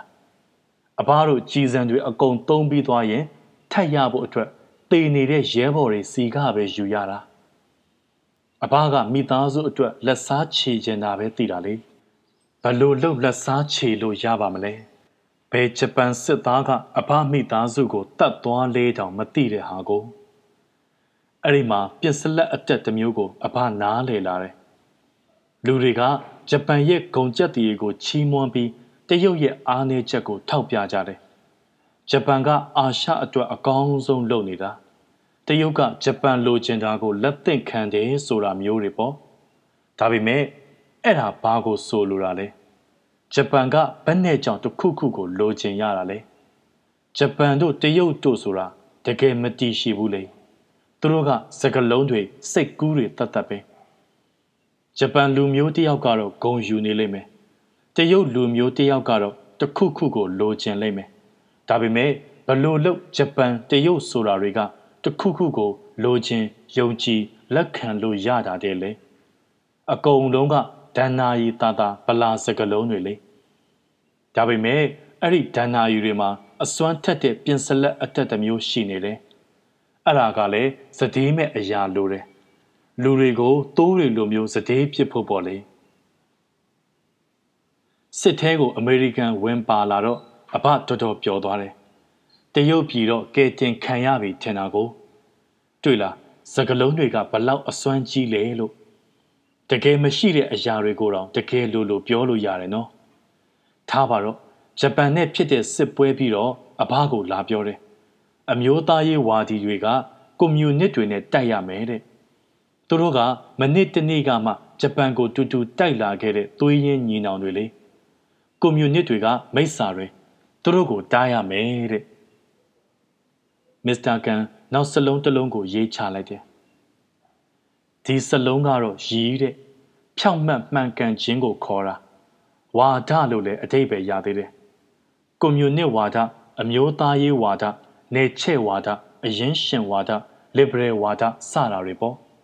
သူ့ကိုရေးဖို့ဆိုရင်သမီးသိတဲ့သိုးစလုံးကိုအပေါ်ကရေးရတယ်ငါဆိုတဲ့စကလုံးကို အောက်ကရေးရတယ်လူကသိုးကိုရစ်ပူဇော်ဖို့ကင်ထားတယ်ပေါ့ပြီးတော့သူ့မှာအမှန်တရား တရားမျှတမှုနဲ့ကဘာကိုကယ်တင်မဲ့မှော့ပညာရှိနေတယ်လို့လေသူကထင်နေသေးတဲ့ရည်ရတယ်နော်ဒါပေမဲ့ကွန်မြူနစ်တွေကအဘာတို့ထက်လက်နက်ရောလေ့ကျင့်သားရောနဲတယ်ဒါပေမဲ့သူတို့နိုင်ပြီးရင်နိုင်နေတာကိုအဘနားမလဲဘူးတရက်ကြအဘကွန်မြူနစ်တွေအလစ်တိုက်တာခံရပြီးဖမ်းခံလိုက်ရတယ်အဘလည်းအဲ့ဒီမှာကွန်မြူနစ်တွေနဲ့ပါသွားတယ်သူတို့ကဓမြတွေပဲ သူတို့ကမြေရှင်တွေစီကမြေတွေကိုယူမယ်မြေရမဲ့တောသားတွေကိုပြန်ပေးမယ်အဲ့ဒီတော့လူကြိုက်သိမ့်များတာပေါ့သူတို့ကတရားဥပဒေတွေဘာတွေဂယုမဆိုင်ဘူးလေဘာလို့စိုက်ရမှာလဲအထက်တန်းလွာလူချမ်းသာပညာတတ်တွေကအားရအောင်ဖြတ်စည်းခဲ့ပြီးပြီစာမတက်လူငမွဲတွေကဘာလို့ခံစားရမှာလဲ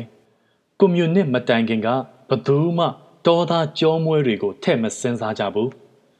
မင်းမဘာမှမရှိရင် နောက်ဆုံးဖက်နှက်တောင်မရှိရင်မင်းဘာကိုမှမကြောက်တော့ဘူးလောကကြီးမှာဆင်းရဲပြီးအကြောက်တရားမဲ့တဲ့လူတွေကချမ်းသာပြီးကြောက်ရွံ့တတ်တဲ့လူတွေထက်ပိုများတယ်လေကွန်မြူနစ်တွေရဲ့တွေးခေါ်ပုံကိုအဘသဘောပေါက်သွားတယ်ပြဿနာကအဘပင်ပန်းနေပြီဒီလောကကြီးထဲမှာတရားထဲဆယ်စုနှစ်တစ်ခုကြာအောင်တိုက်ခိုက်နေကြတာအဘမိသားစုကကြေးရတတ်တွေလေ ကွန်မြူနစ်တွေကသူတို့ကိုလည်းတိုက်ရင်တတ်မှာပဲဒီကောင်တွေကိုနားလေရင်တောင်းမှသူတို့အတွက်တော့မတိုက်ပေးချင်တော့ဘူးအဘရက်တန့်ချင်တယ်အဲ့ဒါနဲ့ပဲမိတ်ဆွေတချို့နဲ့အတူညဘက်ကြီးလှေတစည်းကိုခိုးပြီးထွက်လာခဲ့တယ်အစကတော့ဒီအနိဋ္ဌာယုံတွေကိုကြောခိုင်းပြီးဟောင်ကောင်ကိုသွားမလို့ပဲဒါပေမဲ့အဘတို့လမ်းကြောင်းမကျွမ်းကျင်ဘူးရေလှိုင်းတွေကအဘတို့ကိုပင်လယ်ပြင်ကျဲကြီးစီပဲခေါ်သွားတယ် အစာနဲ့ရေလဲကုန်ပြီအဘတို့မှာတေဖို့ကိုစောင့်ယုံပဲရှိတော့တယ်တပတ်လောက်ကြာတော့မိုးကုတ်ဆောက်ဝိုင်းအချိန်မှာကုန်းမြေတစ်ခုကိုမြင်ရတယ်အဘတို့နောက်ဆုံးလက်ကျန်အားလေးနဲ့ကမ်းရအောင်လှော်ခဲ့တယ်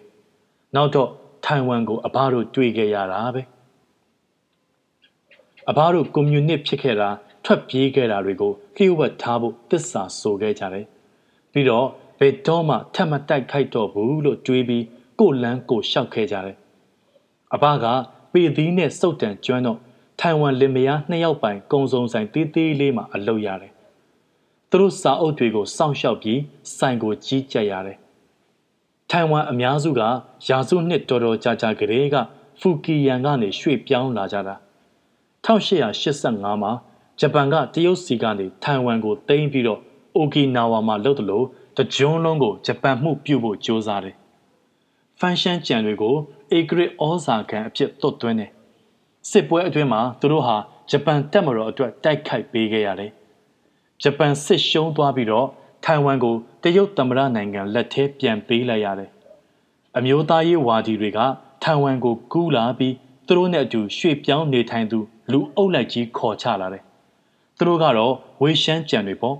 ။ဖန်ရှမ်းကြံတွေဟာ သူတို့အလုပ်တွေကိုလူယူသွားတဲ့အမျိုးသားရေးဝါဒီဝေရှမ်းကြံတွေကိုမုန်းတယ်။ဝေရှမ်းကြံတွေကလည်းစစ်အတွင်းမှာကို့အမျိုးကိုတစ္ဆာဖောက်တဲ့ဖန်ရှမ်းကြံတွေကိုမုန်းတယ်။တရက်အဘဈေးရောက်နေတော့လမ်းပေါ်မှာလူအုပ်ကြီးစုဝေးနေတာတွေ့တယ်။သူတို့ကဖူကီယန်စကားနဲ့အော်ဟစ်နေကြတော့ဖန်ရှမ်းကြံတွေမှန်းသိလိုက်တယ်။သူတို့ကလမ်းမှာတွေ့တဲ့လူမှန်သမျှကိုတားတယ်။အဲ့ဒီလူကမန်ဒရင်းလိုပြန်ပြောရင် ဝေရှမ်းကြံမှန်းသိပြီးတိုက်ခိုက်တော့တာပဲ။အကြောင်းပြချက်လည်းမရှိသလိုတွေ့ဝေလည်းမနေဘူး။သူတို့ကသွေးစာနေတာ။အဘအဲ့ဒါမြင်တော့တိတ်လန့်သွားပြီးကောင်တာအောက်မှာပုံးဖို့ကြိုးစားတယ်လူအုပ်ကြီးဆိုတဲ့စလုံးကိုဒီလိုရေးရတယ်။တစ်ဖက်မှာမြင့်မြတ်ချင်းစလုံးတစ်ဖက်မှာသိုးစလုံးအဲ့ဒါလူအုပ်ကြီးပဲ။သိုးအုပ်ကနေဝမ်ပလွေအုပ်အဖြစ်ပြောင်းသွားကြတာပေါ့။ဘာလို့လဲဆိုတော့ သူတို့ဟာမြင့်မြတ်တဲ့အကြောင်းရင်းအတွက်လှုပ်ဆောင်နေကြတယ်လို့ယုံကြည်ကြလို့လေ။ဖန်ရှန်းကြံစုံတွေကအဘဟာလူကောင်းပါလို့ပြောပြီးကာကွယ်ပေးဖို့ကြိုးစားတယ်။လူအုပ်ကြီးတွေကတယောက်ကသူတို့ကိုပါတစ်ဆက်ပေါက်တွေလို့អော်ပြီးအကုံလုံးကိုတိုက်ခိုက်ဆိုင်ကိုမီးရှို့ပစ်ခဲ့ကြတယ်။အဘကမီးထဲကနေတွားတွားပြီးလွတ်လာခဲ့ပြီးသူတို့လင်မယားကတော့မီးထဲပါသွားတယ်။သူတို့ကငါဦးလေးနဲ့အတော်လေး လို့တက်ဒီကဝင်ပြောတယ်။မစ္စတာကန်ကခေါင်းညိတ်ပြပြီးသူ့ပခုံးပေါ်လက်တင်လိုက်တယ်။ဖန်ရှန်းချံပုံကံမှုက1949ဖေဖော်ဝါရီ28မှာစခဲ့ပြီးလနဲ့ချီကြာတယ်။တချို့ကိုကွန်မြူနစ်တွေကဥဆောင်ထားတော့အမျိုးသားရေးသမားတွေအလူးအလဲခံရတယ်။ဒီဖန်ရှန်းကြံတွေကိုနှိပ်နှင်းဖို့တော်တော်လှုပ်ယူခဲ့ရတယ်။လူတွေလည်းထောင်နဲ့ချီပြီးတည်တယ်။အဲ့ဒီလူတက်မှုကနေ ပြင်စလက်အတက်တစ်တစ်မျိုးမွေးဖွားလာတယ်။နှစ်နှစ်ရှစ်စုပြုံတက်မှုအကြောင်းဘယ်သူမှမပြောရဘူးတဲ့။နှစ်နှစ်ရှစ်ဆိုတဲ့စကားလုံးဟာတားမြစ်စလုံးဖြစ်လာတယ်။တက်ဒီမိဘတွေကအဲ့ဒီနေ့အမှတ်တရလုံမိလို့အသက်ခံရအပြီးမှာအဘတက်ဒီကိုခေါ်မွေးစားခဲ့တယ်။မြို့ပြနဲ့ဝေးရဒီနေရာလေးကိုလာခဲ့တယ်။ဒါမှတဲကလေးထဲမှာအဘအေးအေးလူလူလက်ဖက်ရည်တောက်လို့ရမှာပေါ့။ ဒီရွာသားတွေကစာအုပ်ဖတ်တဲ့လူဆိုလေးစားကြတယ်။သူတို့ကလေးတွေအတွက်ဇာတာကောင်းစေမဲ့နာမည်လေးတွေလာမှိတ်ခိုင်းတတ်ကြတယ်။စကလုံးတွေရဲ့ပြင်စလက်ကြောင့်လူအသက်တွေဆုံးရှုံးခဲ့ရပေမဲ့လည်းစကလုံးတွေရဲ့စွမ်းအားကိုကောင်းကျိုးအတွက်သုံးဖို့ယုံကြည်နေတော့မယ်။အဘညမလေးစီကလည်းဘာသတင်းမှမကြားတာစေစုနှစ်နဲ့ချီးနေပြီ။သူပြည်မကြီးမှာအသက်ရှင်လျက်ရှိအောင်မယ်လို့ယုံကြည်သေးတယ်။ အဘမသေးခင်တနေ့လောက်တော့သူ့ကိုတွေ့ကျင်သေးတယ်။သုံးယောက်သာစပွဲမှာထိုင်နေပေမဲ့အတော်ကြာတဲ့အထိဘာမှမပြောဖြစ်ကြဘူး။မစ္စတာကန်ကသူ့မျက်လုံးတွေတုပ်လိုက်တယ်ဒီလိုဝမ်းနည်းစရာဇလန်းမျိုးပြောပြရတာအားနာပါတယ်လီလီရဲ့ဒါပေမဲ့တရုတ်မှာကပျော်စရာပုံမြင်တွေပြောဖို့အချိန်မရှိခဲ့ဘူးကွ လီလီကတိုးစလုံးတွေနဲ့ပြည့်နေတဲ့မစ္စတာကန်ရှိကစာရွက်ကိုကြည့်လိုက်တယ်အနာဂတ်ကိုကောဟောလို့မရဘူးလားပုံမြင်ကောင်းနေရှိမရှိကြည့်ရအောင်လေမစ္စတာကန်မျက်လုံးတွေအယောင်တောက်သွားတယ်တိတ်ကောင်းတယ်ဘယ်စလုံးကိုရေးရမလဲတရုတ်ဆိုတဲ့စလုံးဆိုရင်ကောမစ္စတာကန်ကတွေးနေတယ်ဒါတော့တိတ်မလွယ်ဘူးကွတရုတ်ဆိုတာကအင်္ဂလိပ်လိုတော့တိတ်ရိုးစင်းတဲ့စကားလုံးပဲ တရုတ်လိုကြတော့တိတ်မလွယ်ဘူးတရုတ်လူမျိုးနဲ့တရုတ်ပြည်အတွက်စကားလုံးတွေအများကြီးရှိတယ်အများစုကရှေးမင်းဆက်တွေကိုအခြေခံထားတာဒီနေ့ခေတ်စကားလုံးတွေကတော့အခွန်တက်တက်ပဲဘာမှအစွမ်းမှမပါဘူးပြည်သူသမရနိုင်ငံတဲ့တမရနိုင်ငံတဲ့အဲ့ဒါဘာကိုပြောတာလဲအဲ့ဒါတွေကစကလုံးအစ်စ်တွေမဟုတ်ဘူးရစ်ပလင်တတ်တတ်ပဲ နည်းနည်းလောက်တွေးပြီးတော့မစ္စတာကန်ကစက်လုံးတစ်လုံးချရေးလိုက်တယ်ဒီစကလုံးကဟွားတဲ့တရုတ်နဲ့တရုတ်လူမျိုးတွေနဲ့ပဲတက်ဆိုင်ပြီးတက်ဖြတ်ရစ်ပူဇော်ခြင်းတဲ့ဘယ်ဧကရစ်ဘယ်မင်းဆက်နဲ့မှမဆိုင်တဲ့စကလုံးပေါ့ပြည်သူသမရနိုင်ငံရောသမရနိုင်ငံရောကသူတို့နာမည်မှာဒါကိုထည့်ကြပေမဲ့သူတို့ထက်ရှေးကြပြီးသူတို့လည်းမပိုင်ဘူး။ကွာရဲ့မူရင်းကပန်းကလေးတဲ့ ခန္ဓာချင်းတဲ့ရေးတဲ့အခါမှာလည်းအရိုင်းပန်းကလေးတွေမြေထဲကပေါက်လာသလိုရေးရတယ်တွေ့လားရှေးတရုတ်တွေကပိုးတယ်ဇာတယ်တွေနဲ့ခမ်းနားတဲ့ဝတ်စုံတွေကိုဝတ်လို့သူတို့အိမ်နီးချင်းတွေကဝါကျန်းလို့ခေါ်တယ်ဒါပေမဲ့အဲ့ဒါကတခုတည်းသောအကြောင်းရင်းမဟုတ်ဘူးလို့အဘထင်တယ်။တရုတ်တွေကအရိုင်းပန်းလေးတွေလိုပဲ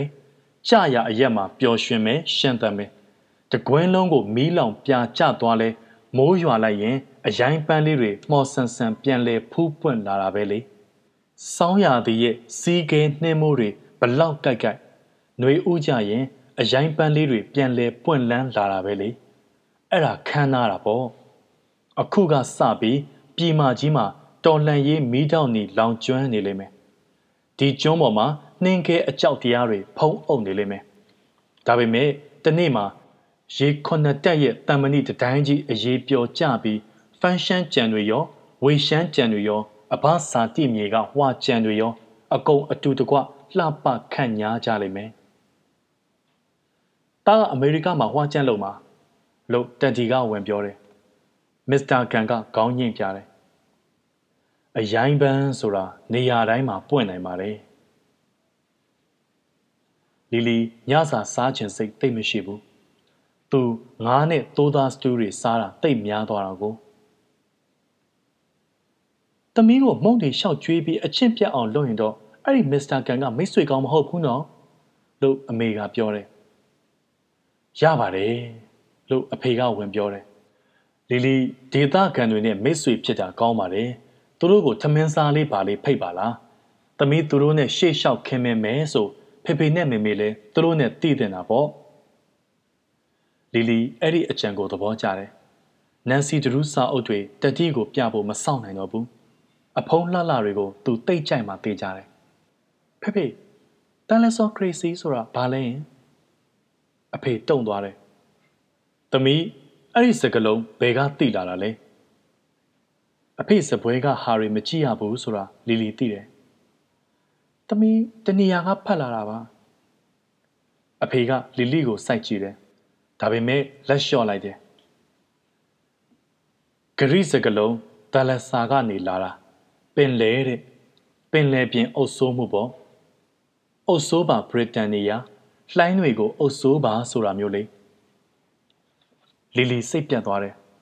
မစ္စတာကန်ရှင်းပြတာကမှအများကြီးပိုကောင်းသေးတယ်သမီးနဲ့မစ္စတာကန်ကဘာလို့ဒလက်ဆောခရစီအကြောင်းပြောကြတာလဲ ဒီတိုင်းပါပဲမစ္စတာကန်မော်ပညာလောက်ပြတာကြည့်ချင်လို့မော်ပညာဆိုတာမရှိဘူးသမီးရဲ့အမေကဝင်ပြောတယ်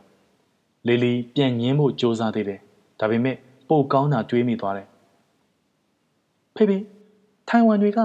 ဘာလို့နှစ်နှစ်ရှစ်အကြောင်းပြောလို့မရတာလဲသမီးနားမလဲဘူးအဖေကဓားနဲ့ခရင်ကိုချလိုက်တယ်သမီးဘာပြောလိုက်တယ်မစ္စတာကန်ကပြောတယ် သူတို့နှစ်နှစ်ရှစ်အကြောင်းပြောလို့မရဘူးတဲ့အဖေကသူ့ပကံကိုတွန်းလိုက်ပြီးလီလီဘက်လှည့်လာတယ်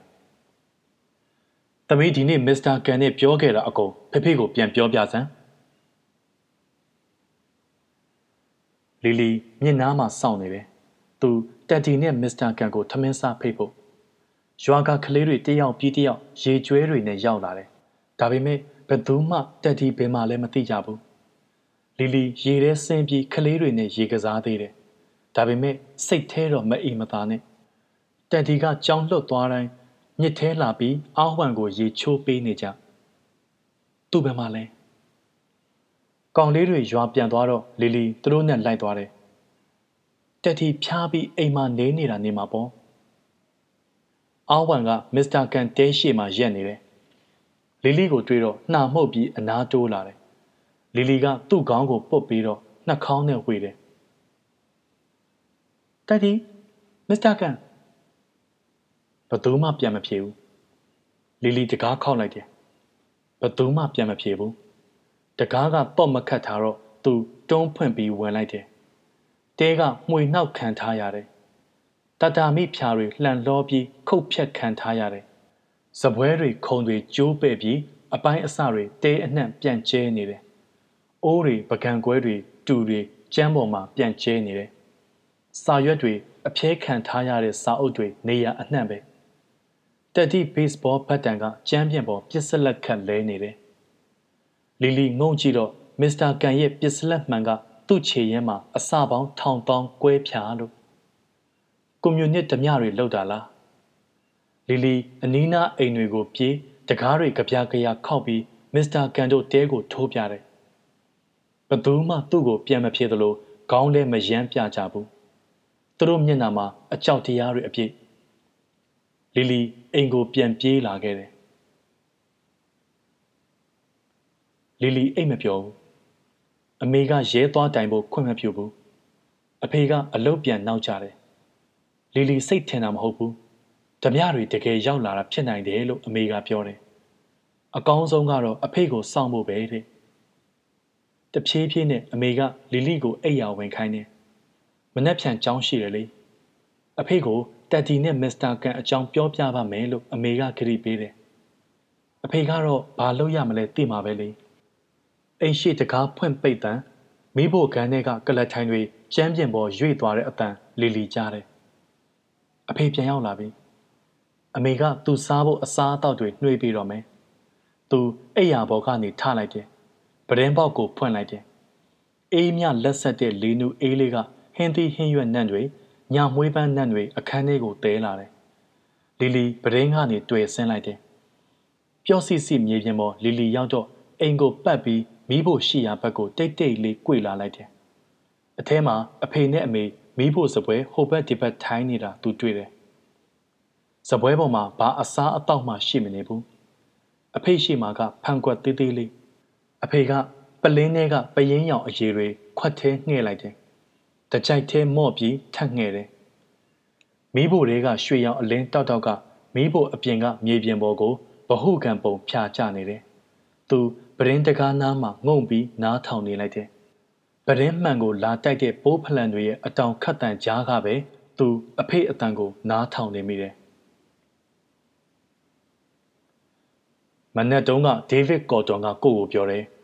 ကိုပြောတဲ့လူကိုသူတို့ဖမ်းလိုက်ပြီတဲ့ကိုကိုတိုင်းစစ်ကြောရေးဝင်ခြင်းရင်ဝင်လို့ရတယ်တဲ့ဒါနဲ့ကိုလည်းချန်ပီယံနဲ့ဝေးလီဆိုတဲ့တရုတ်စစ်ကြောရေးသမားနှစ်ယောက်နဲ့အတူအချုပ်ဝင်းထဲလိုက်သွားလိုက်တယ်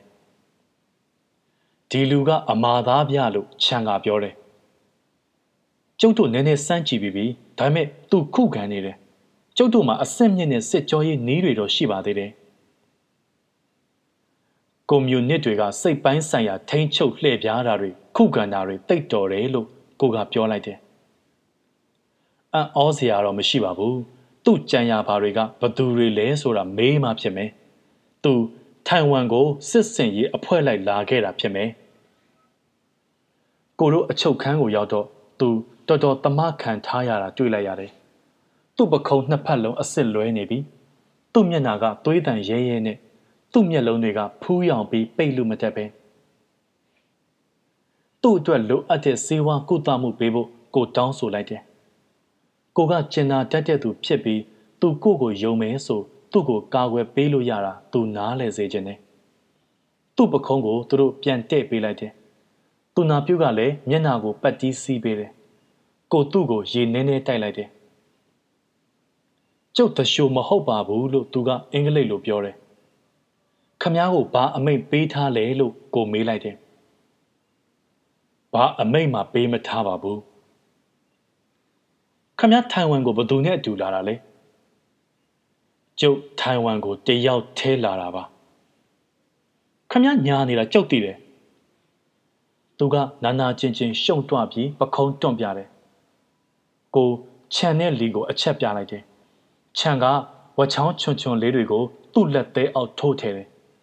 သူကဆက်ပြီးနှုတ်ဆက်နေဖို့ကြိုးစားတယ်။ခြံကနေရံမှာတန်ရိုက်တယ်လို့ဝချောင်းအရင်တွေကိုတူသေးသေးလေးနဲ့စရိုက်တယ်။သူတရိတ်ဆန်တကောင်လိုပဲអော်တယ်။တဖြည်းဖြည်းနဲ့သူမေ့သွားတယ်။ခြံကသူ့ကိုရေအေးနဲ့ပတ်ပြီးနှိုးလိုက်တယ်။ကိုခုနာကမေခွန်းတွေပဲထပ်မေးတယ်။သူကခေါင်းခါပြပြီးစကားပြောဖို့ညင်းဆိုတယ် ကျွန်တော်တို့ကခမားမိတ်ဆွေတွေကိုစကားပြောခြင်းရုံမှာသူတို့မှာအပြစ်မရှိဘူးဆိုရင်ဘာမှမဖြစ်စေရဘူးခမားကိုလည်းသူတို့အပြစ်မတင်ပါဘူးသူကရှိတယ်ကြားခုံတန်းဒီစမ်းကြည့်ကြတာပေါ့ဗျာလို့လီကပြောတယ်သူတို့ခုံတန်းရှည်ရှည်ကျင်းကျင်းတစ်လုံးကိုယူလာတယ်ပြီးတော့အစွန်းတစ်ဖက်ကိုအခန်းတောက်တိုင်မှာကတ်လိုက်တယ်သူတို့သူ့ကိုခုံမှာထိုင်ခိုင်းလိုက်တော့သူ့ကြောနဲ့တိုင်နဲ့ကတ်သွားတယ် သူ့ကြောကိုကော့ပြီးလက်တွေကိုတိုင်မှာတုပ်လိုက်တယ်။သူ့ပေါင်တွေဒူးတွေကိုခုံပေါ်မှာတရေပြားကြီးကြီးနဲ့ပတ်ချီလိုက်တယ်။နောက်ဆုံးသူ့ခြေချင်းဝတ်တွေကိုအတူတူပူးချီလိုက်တယ်။ကဲခမားတို့ကွန်မြူနစ်တွေထောင်ရဒူးထောက်နိုင်မလားကြည့်ကြသေးတာပေါ့လို့ချမ်းကသူ့ကိုပြောလိုက်တယ်။သူတို့သူ့ခြေပွားတွေကိုမပြီးဖနှောင်းအောင်မှာအုတ်ခဲတစ်လုံးထည့်တယ်။ပြီးတော့နောက်တစ်လုံးထပ်ထည့်တယ်။သူ့ပေါင်တွေဒူးတွေကိုခုံမှာတွဲချီထားတော့ အုတ်ခဲတွေကသူ့ခြေဘဝါးနဲ့ခြေသလုံးကိုမြောက်တက်စေပြီးသူ့ဒူးတွေကိုမဖြစ်နိုင်တဲ့တောင်ကျိုးတရံတစ်ခုအဖြစ်ကိုေးသွားစေတယ်။သူ့နှစ်ဖူးနဲ့မျက်နှာကချွေးတွေဟာဒဏ်ရာကသွေးတွေနဲ့ရောပြီးစီးကြလာတယ်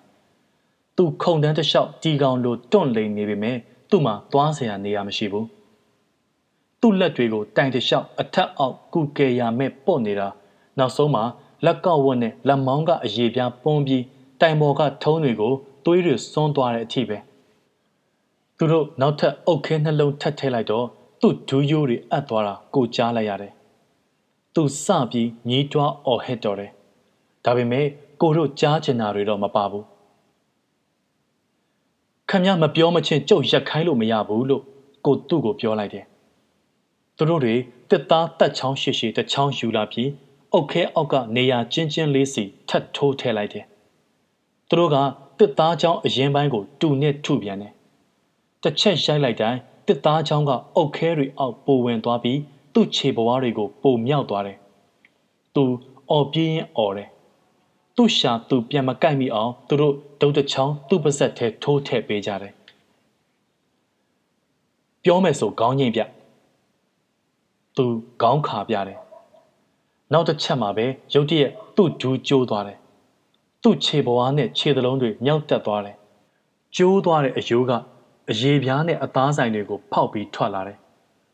သူမေ့သွားပြန်တယ်ကိုပြုတ်ချင်းအန်ကျင်တယ်လို့ဖြစ်လာတယ်ကွန်မြူနစ်တွေကသူတို့အေဂျင့်တွေကိုဒီလောက်ထိခံနိုင်အောင်လေ့ကျင့်ပေးထားရင်ဒီစစ်ပွဲကိုကိုတို့ဘလို့နိုင်တော့မှာလဲဒီလိုလုပ်လို့ရမှာမဟုတ်ဘူးလို့တရုတ်စစ်ကြောရေးတွေကိုကိုပြောလိုက်တယ်ကျုပ်အကြံတစ်ခုရပြီ သူ့မှာမြည်တယောက်ရှိတယ်မဟုတ်လားသူ့ကိုဖမ်းမိထားလားသူတို့ခေါင်းညိတ်ပြတယ်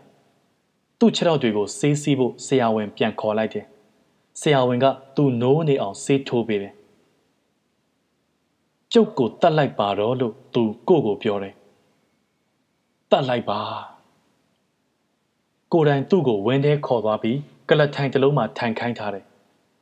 လီကသူ့မြီးကိုခေါ်လာတယ်ကောင်လေးကငယ်ငယ်လေးပါပဲ ညံကောင်းမဲ့ပုံတော့ပေါ်တယ်သူကြောက်လန့်ပြီးသူ့အဖိုးစီပြေးဖို့လှုပ်တယ်လီကသူ့ကိုနောက်ကျောကနေဆွဲထားပြီးနယံမှာကတ်လို့ပစ္စတိုနဲ့ချိန်ထားတယ်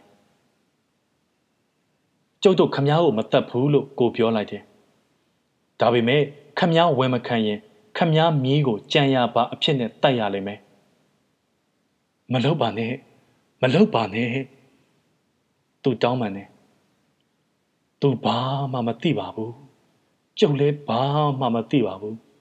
ကျုပ်တို့တရှိုးတွေမဟုတ်ပါဘူးကျုပ်ချိန်ပြောရဲပါတယ်လီကပစ္စတိုကိုလက်နက်ဖက်နဲ့ကင်ပြီးချိန်လိုက်တယ်ခမည်းကျုပ်ကိုအကြက်ရက်အောင်လုပ်နေတာပဲလို့ကိုပြောလိုက်တယ်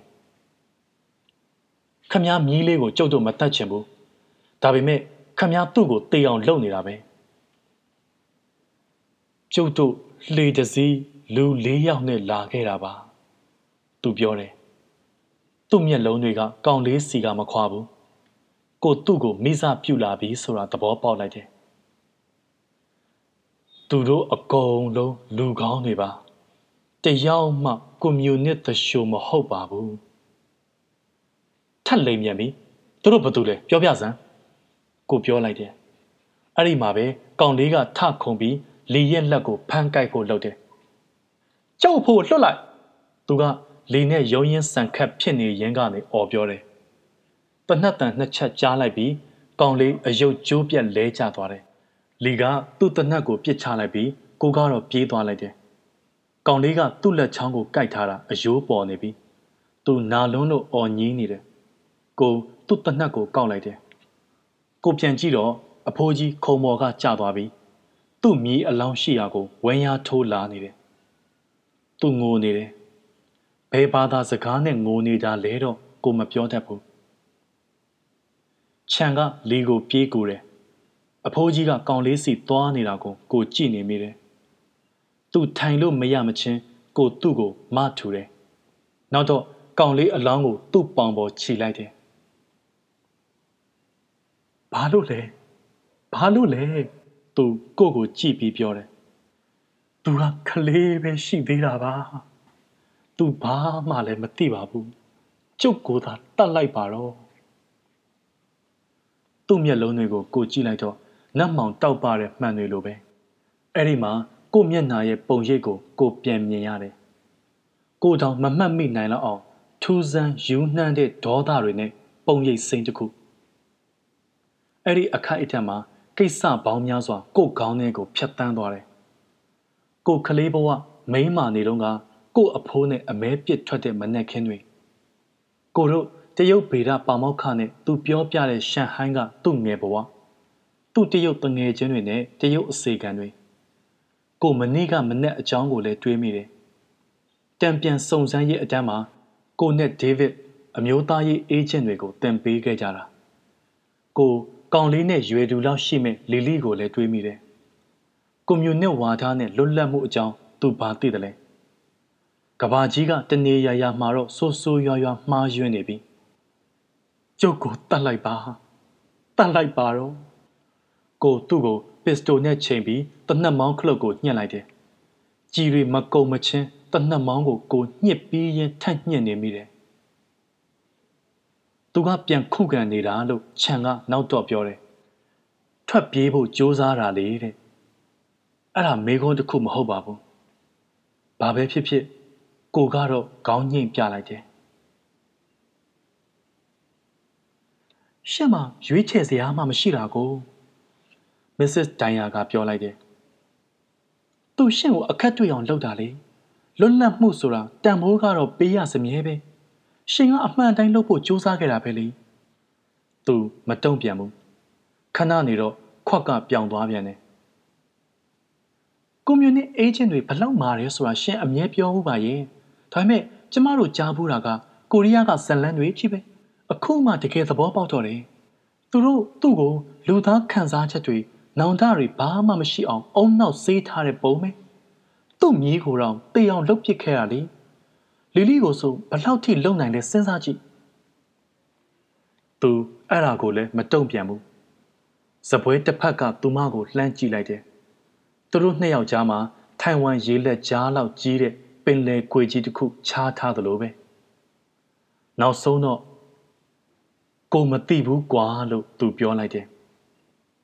ကိုဘာဆိုဘာမှမသိတော့ဘူးကွာ အဖေနဲ့လီလီမြစ်ဘေးမှာလမ်းလျှောက်နေတယ်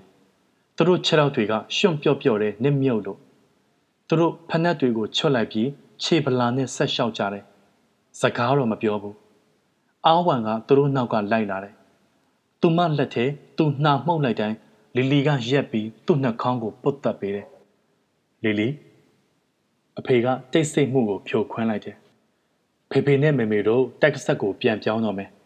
ဖေဖေအလုတ်ကပြောင်းရွှေ့မိန်ကြလာပြီလီလီစကားမပြောဘဲခေါင်းညိတ်ပြလိုက်တယ်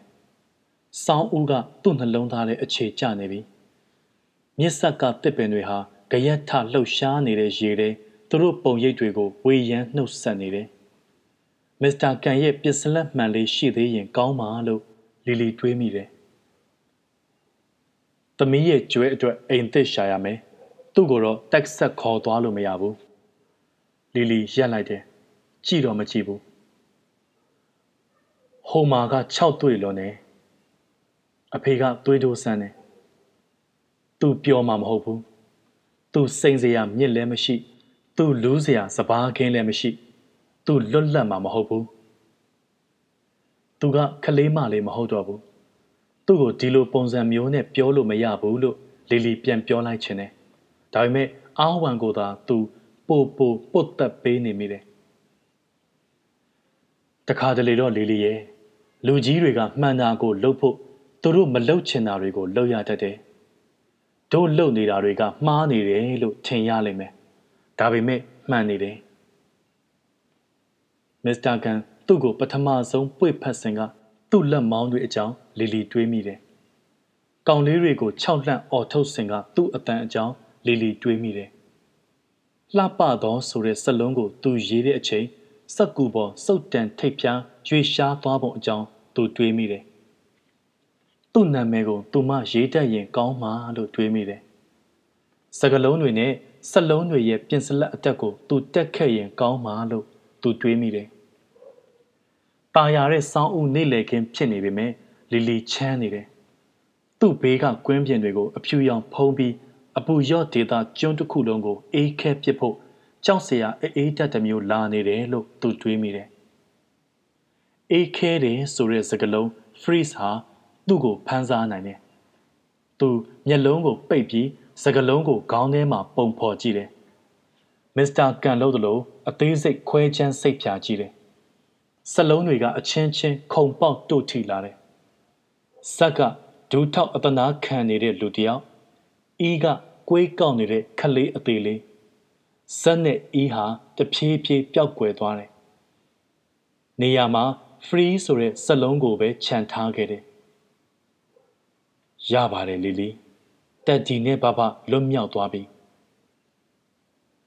မစ္စတာကန်ရဲ့မှိန်ဖြော့တဲ့အပြုံးနဲ့နှွေးထွေးတဲ့အတန်ကိုစိတ်ထဲမှာစုပ်ကင်ထားဖို့လီလီအာယုံဆိုင်လိုက်တယ်။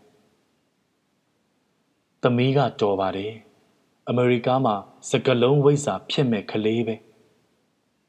။မျက်ရည်တွေစီးကြမလာအောင်လီလီမျက်လုံးတွေစွန့်မိတ်ထားလိုက်တယ်။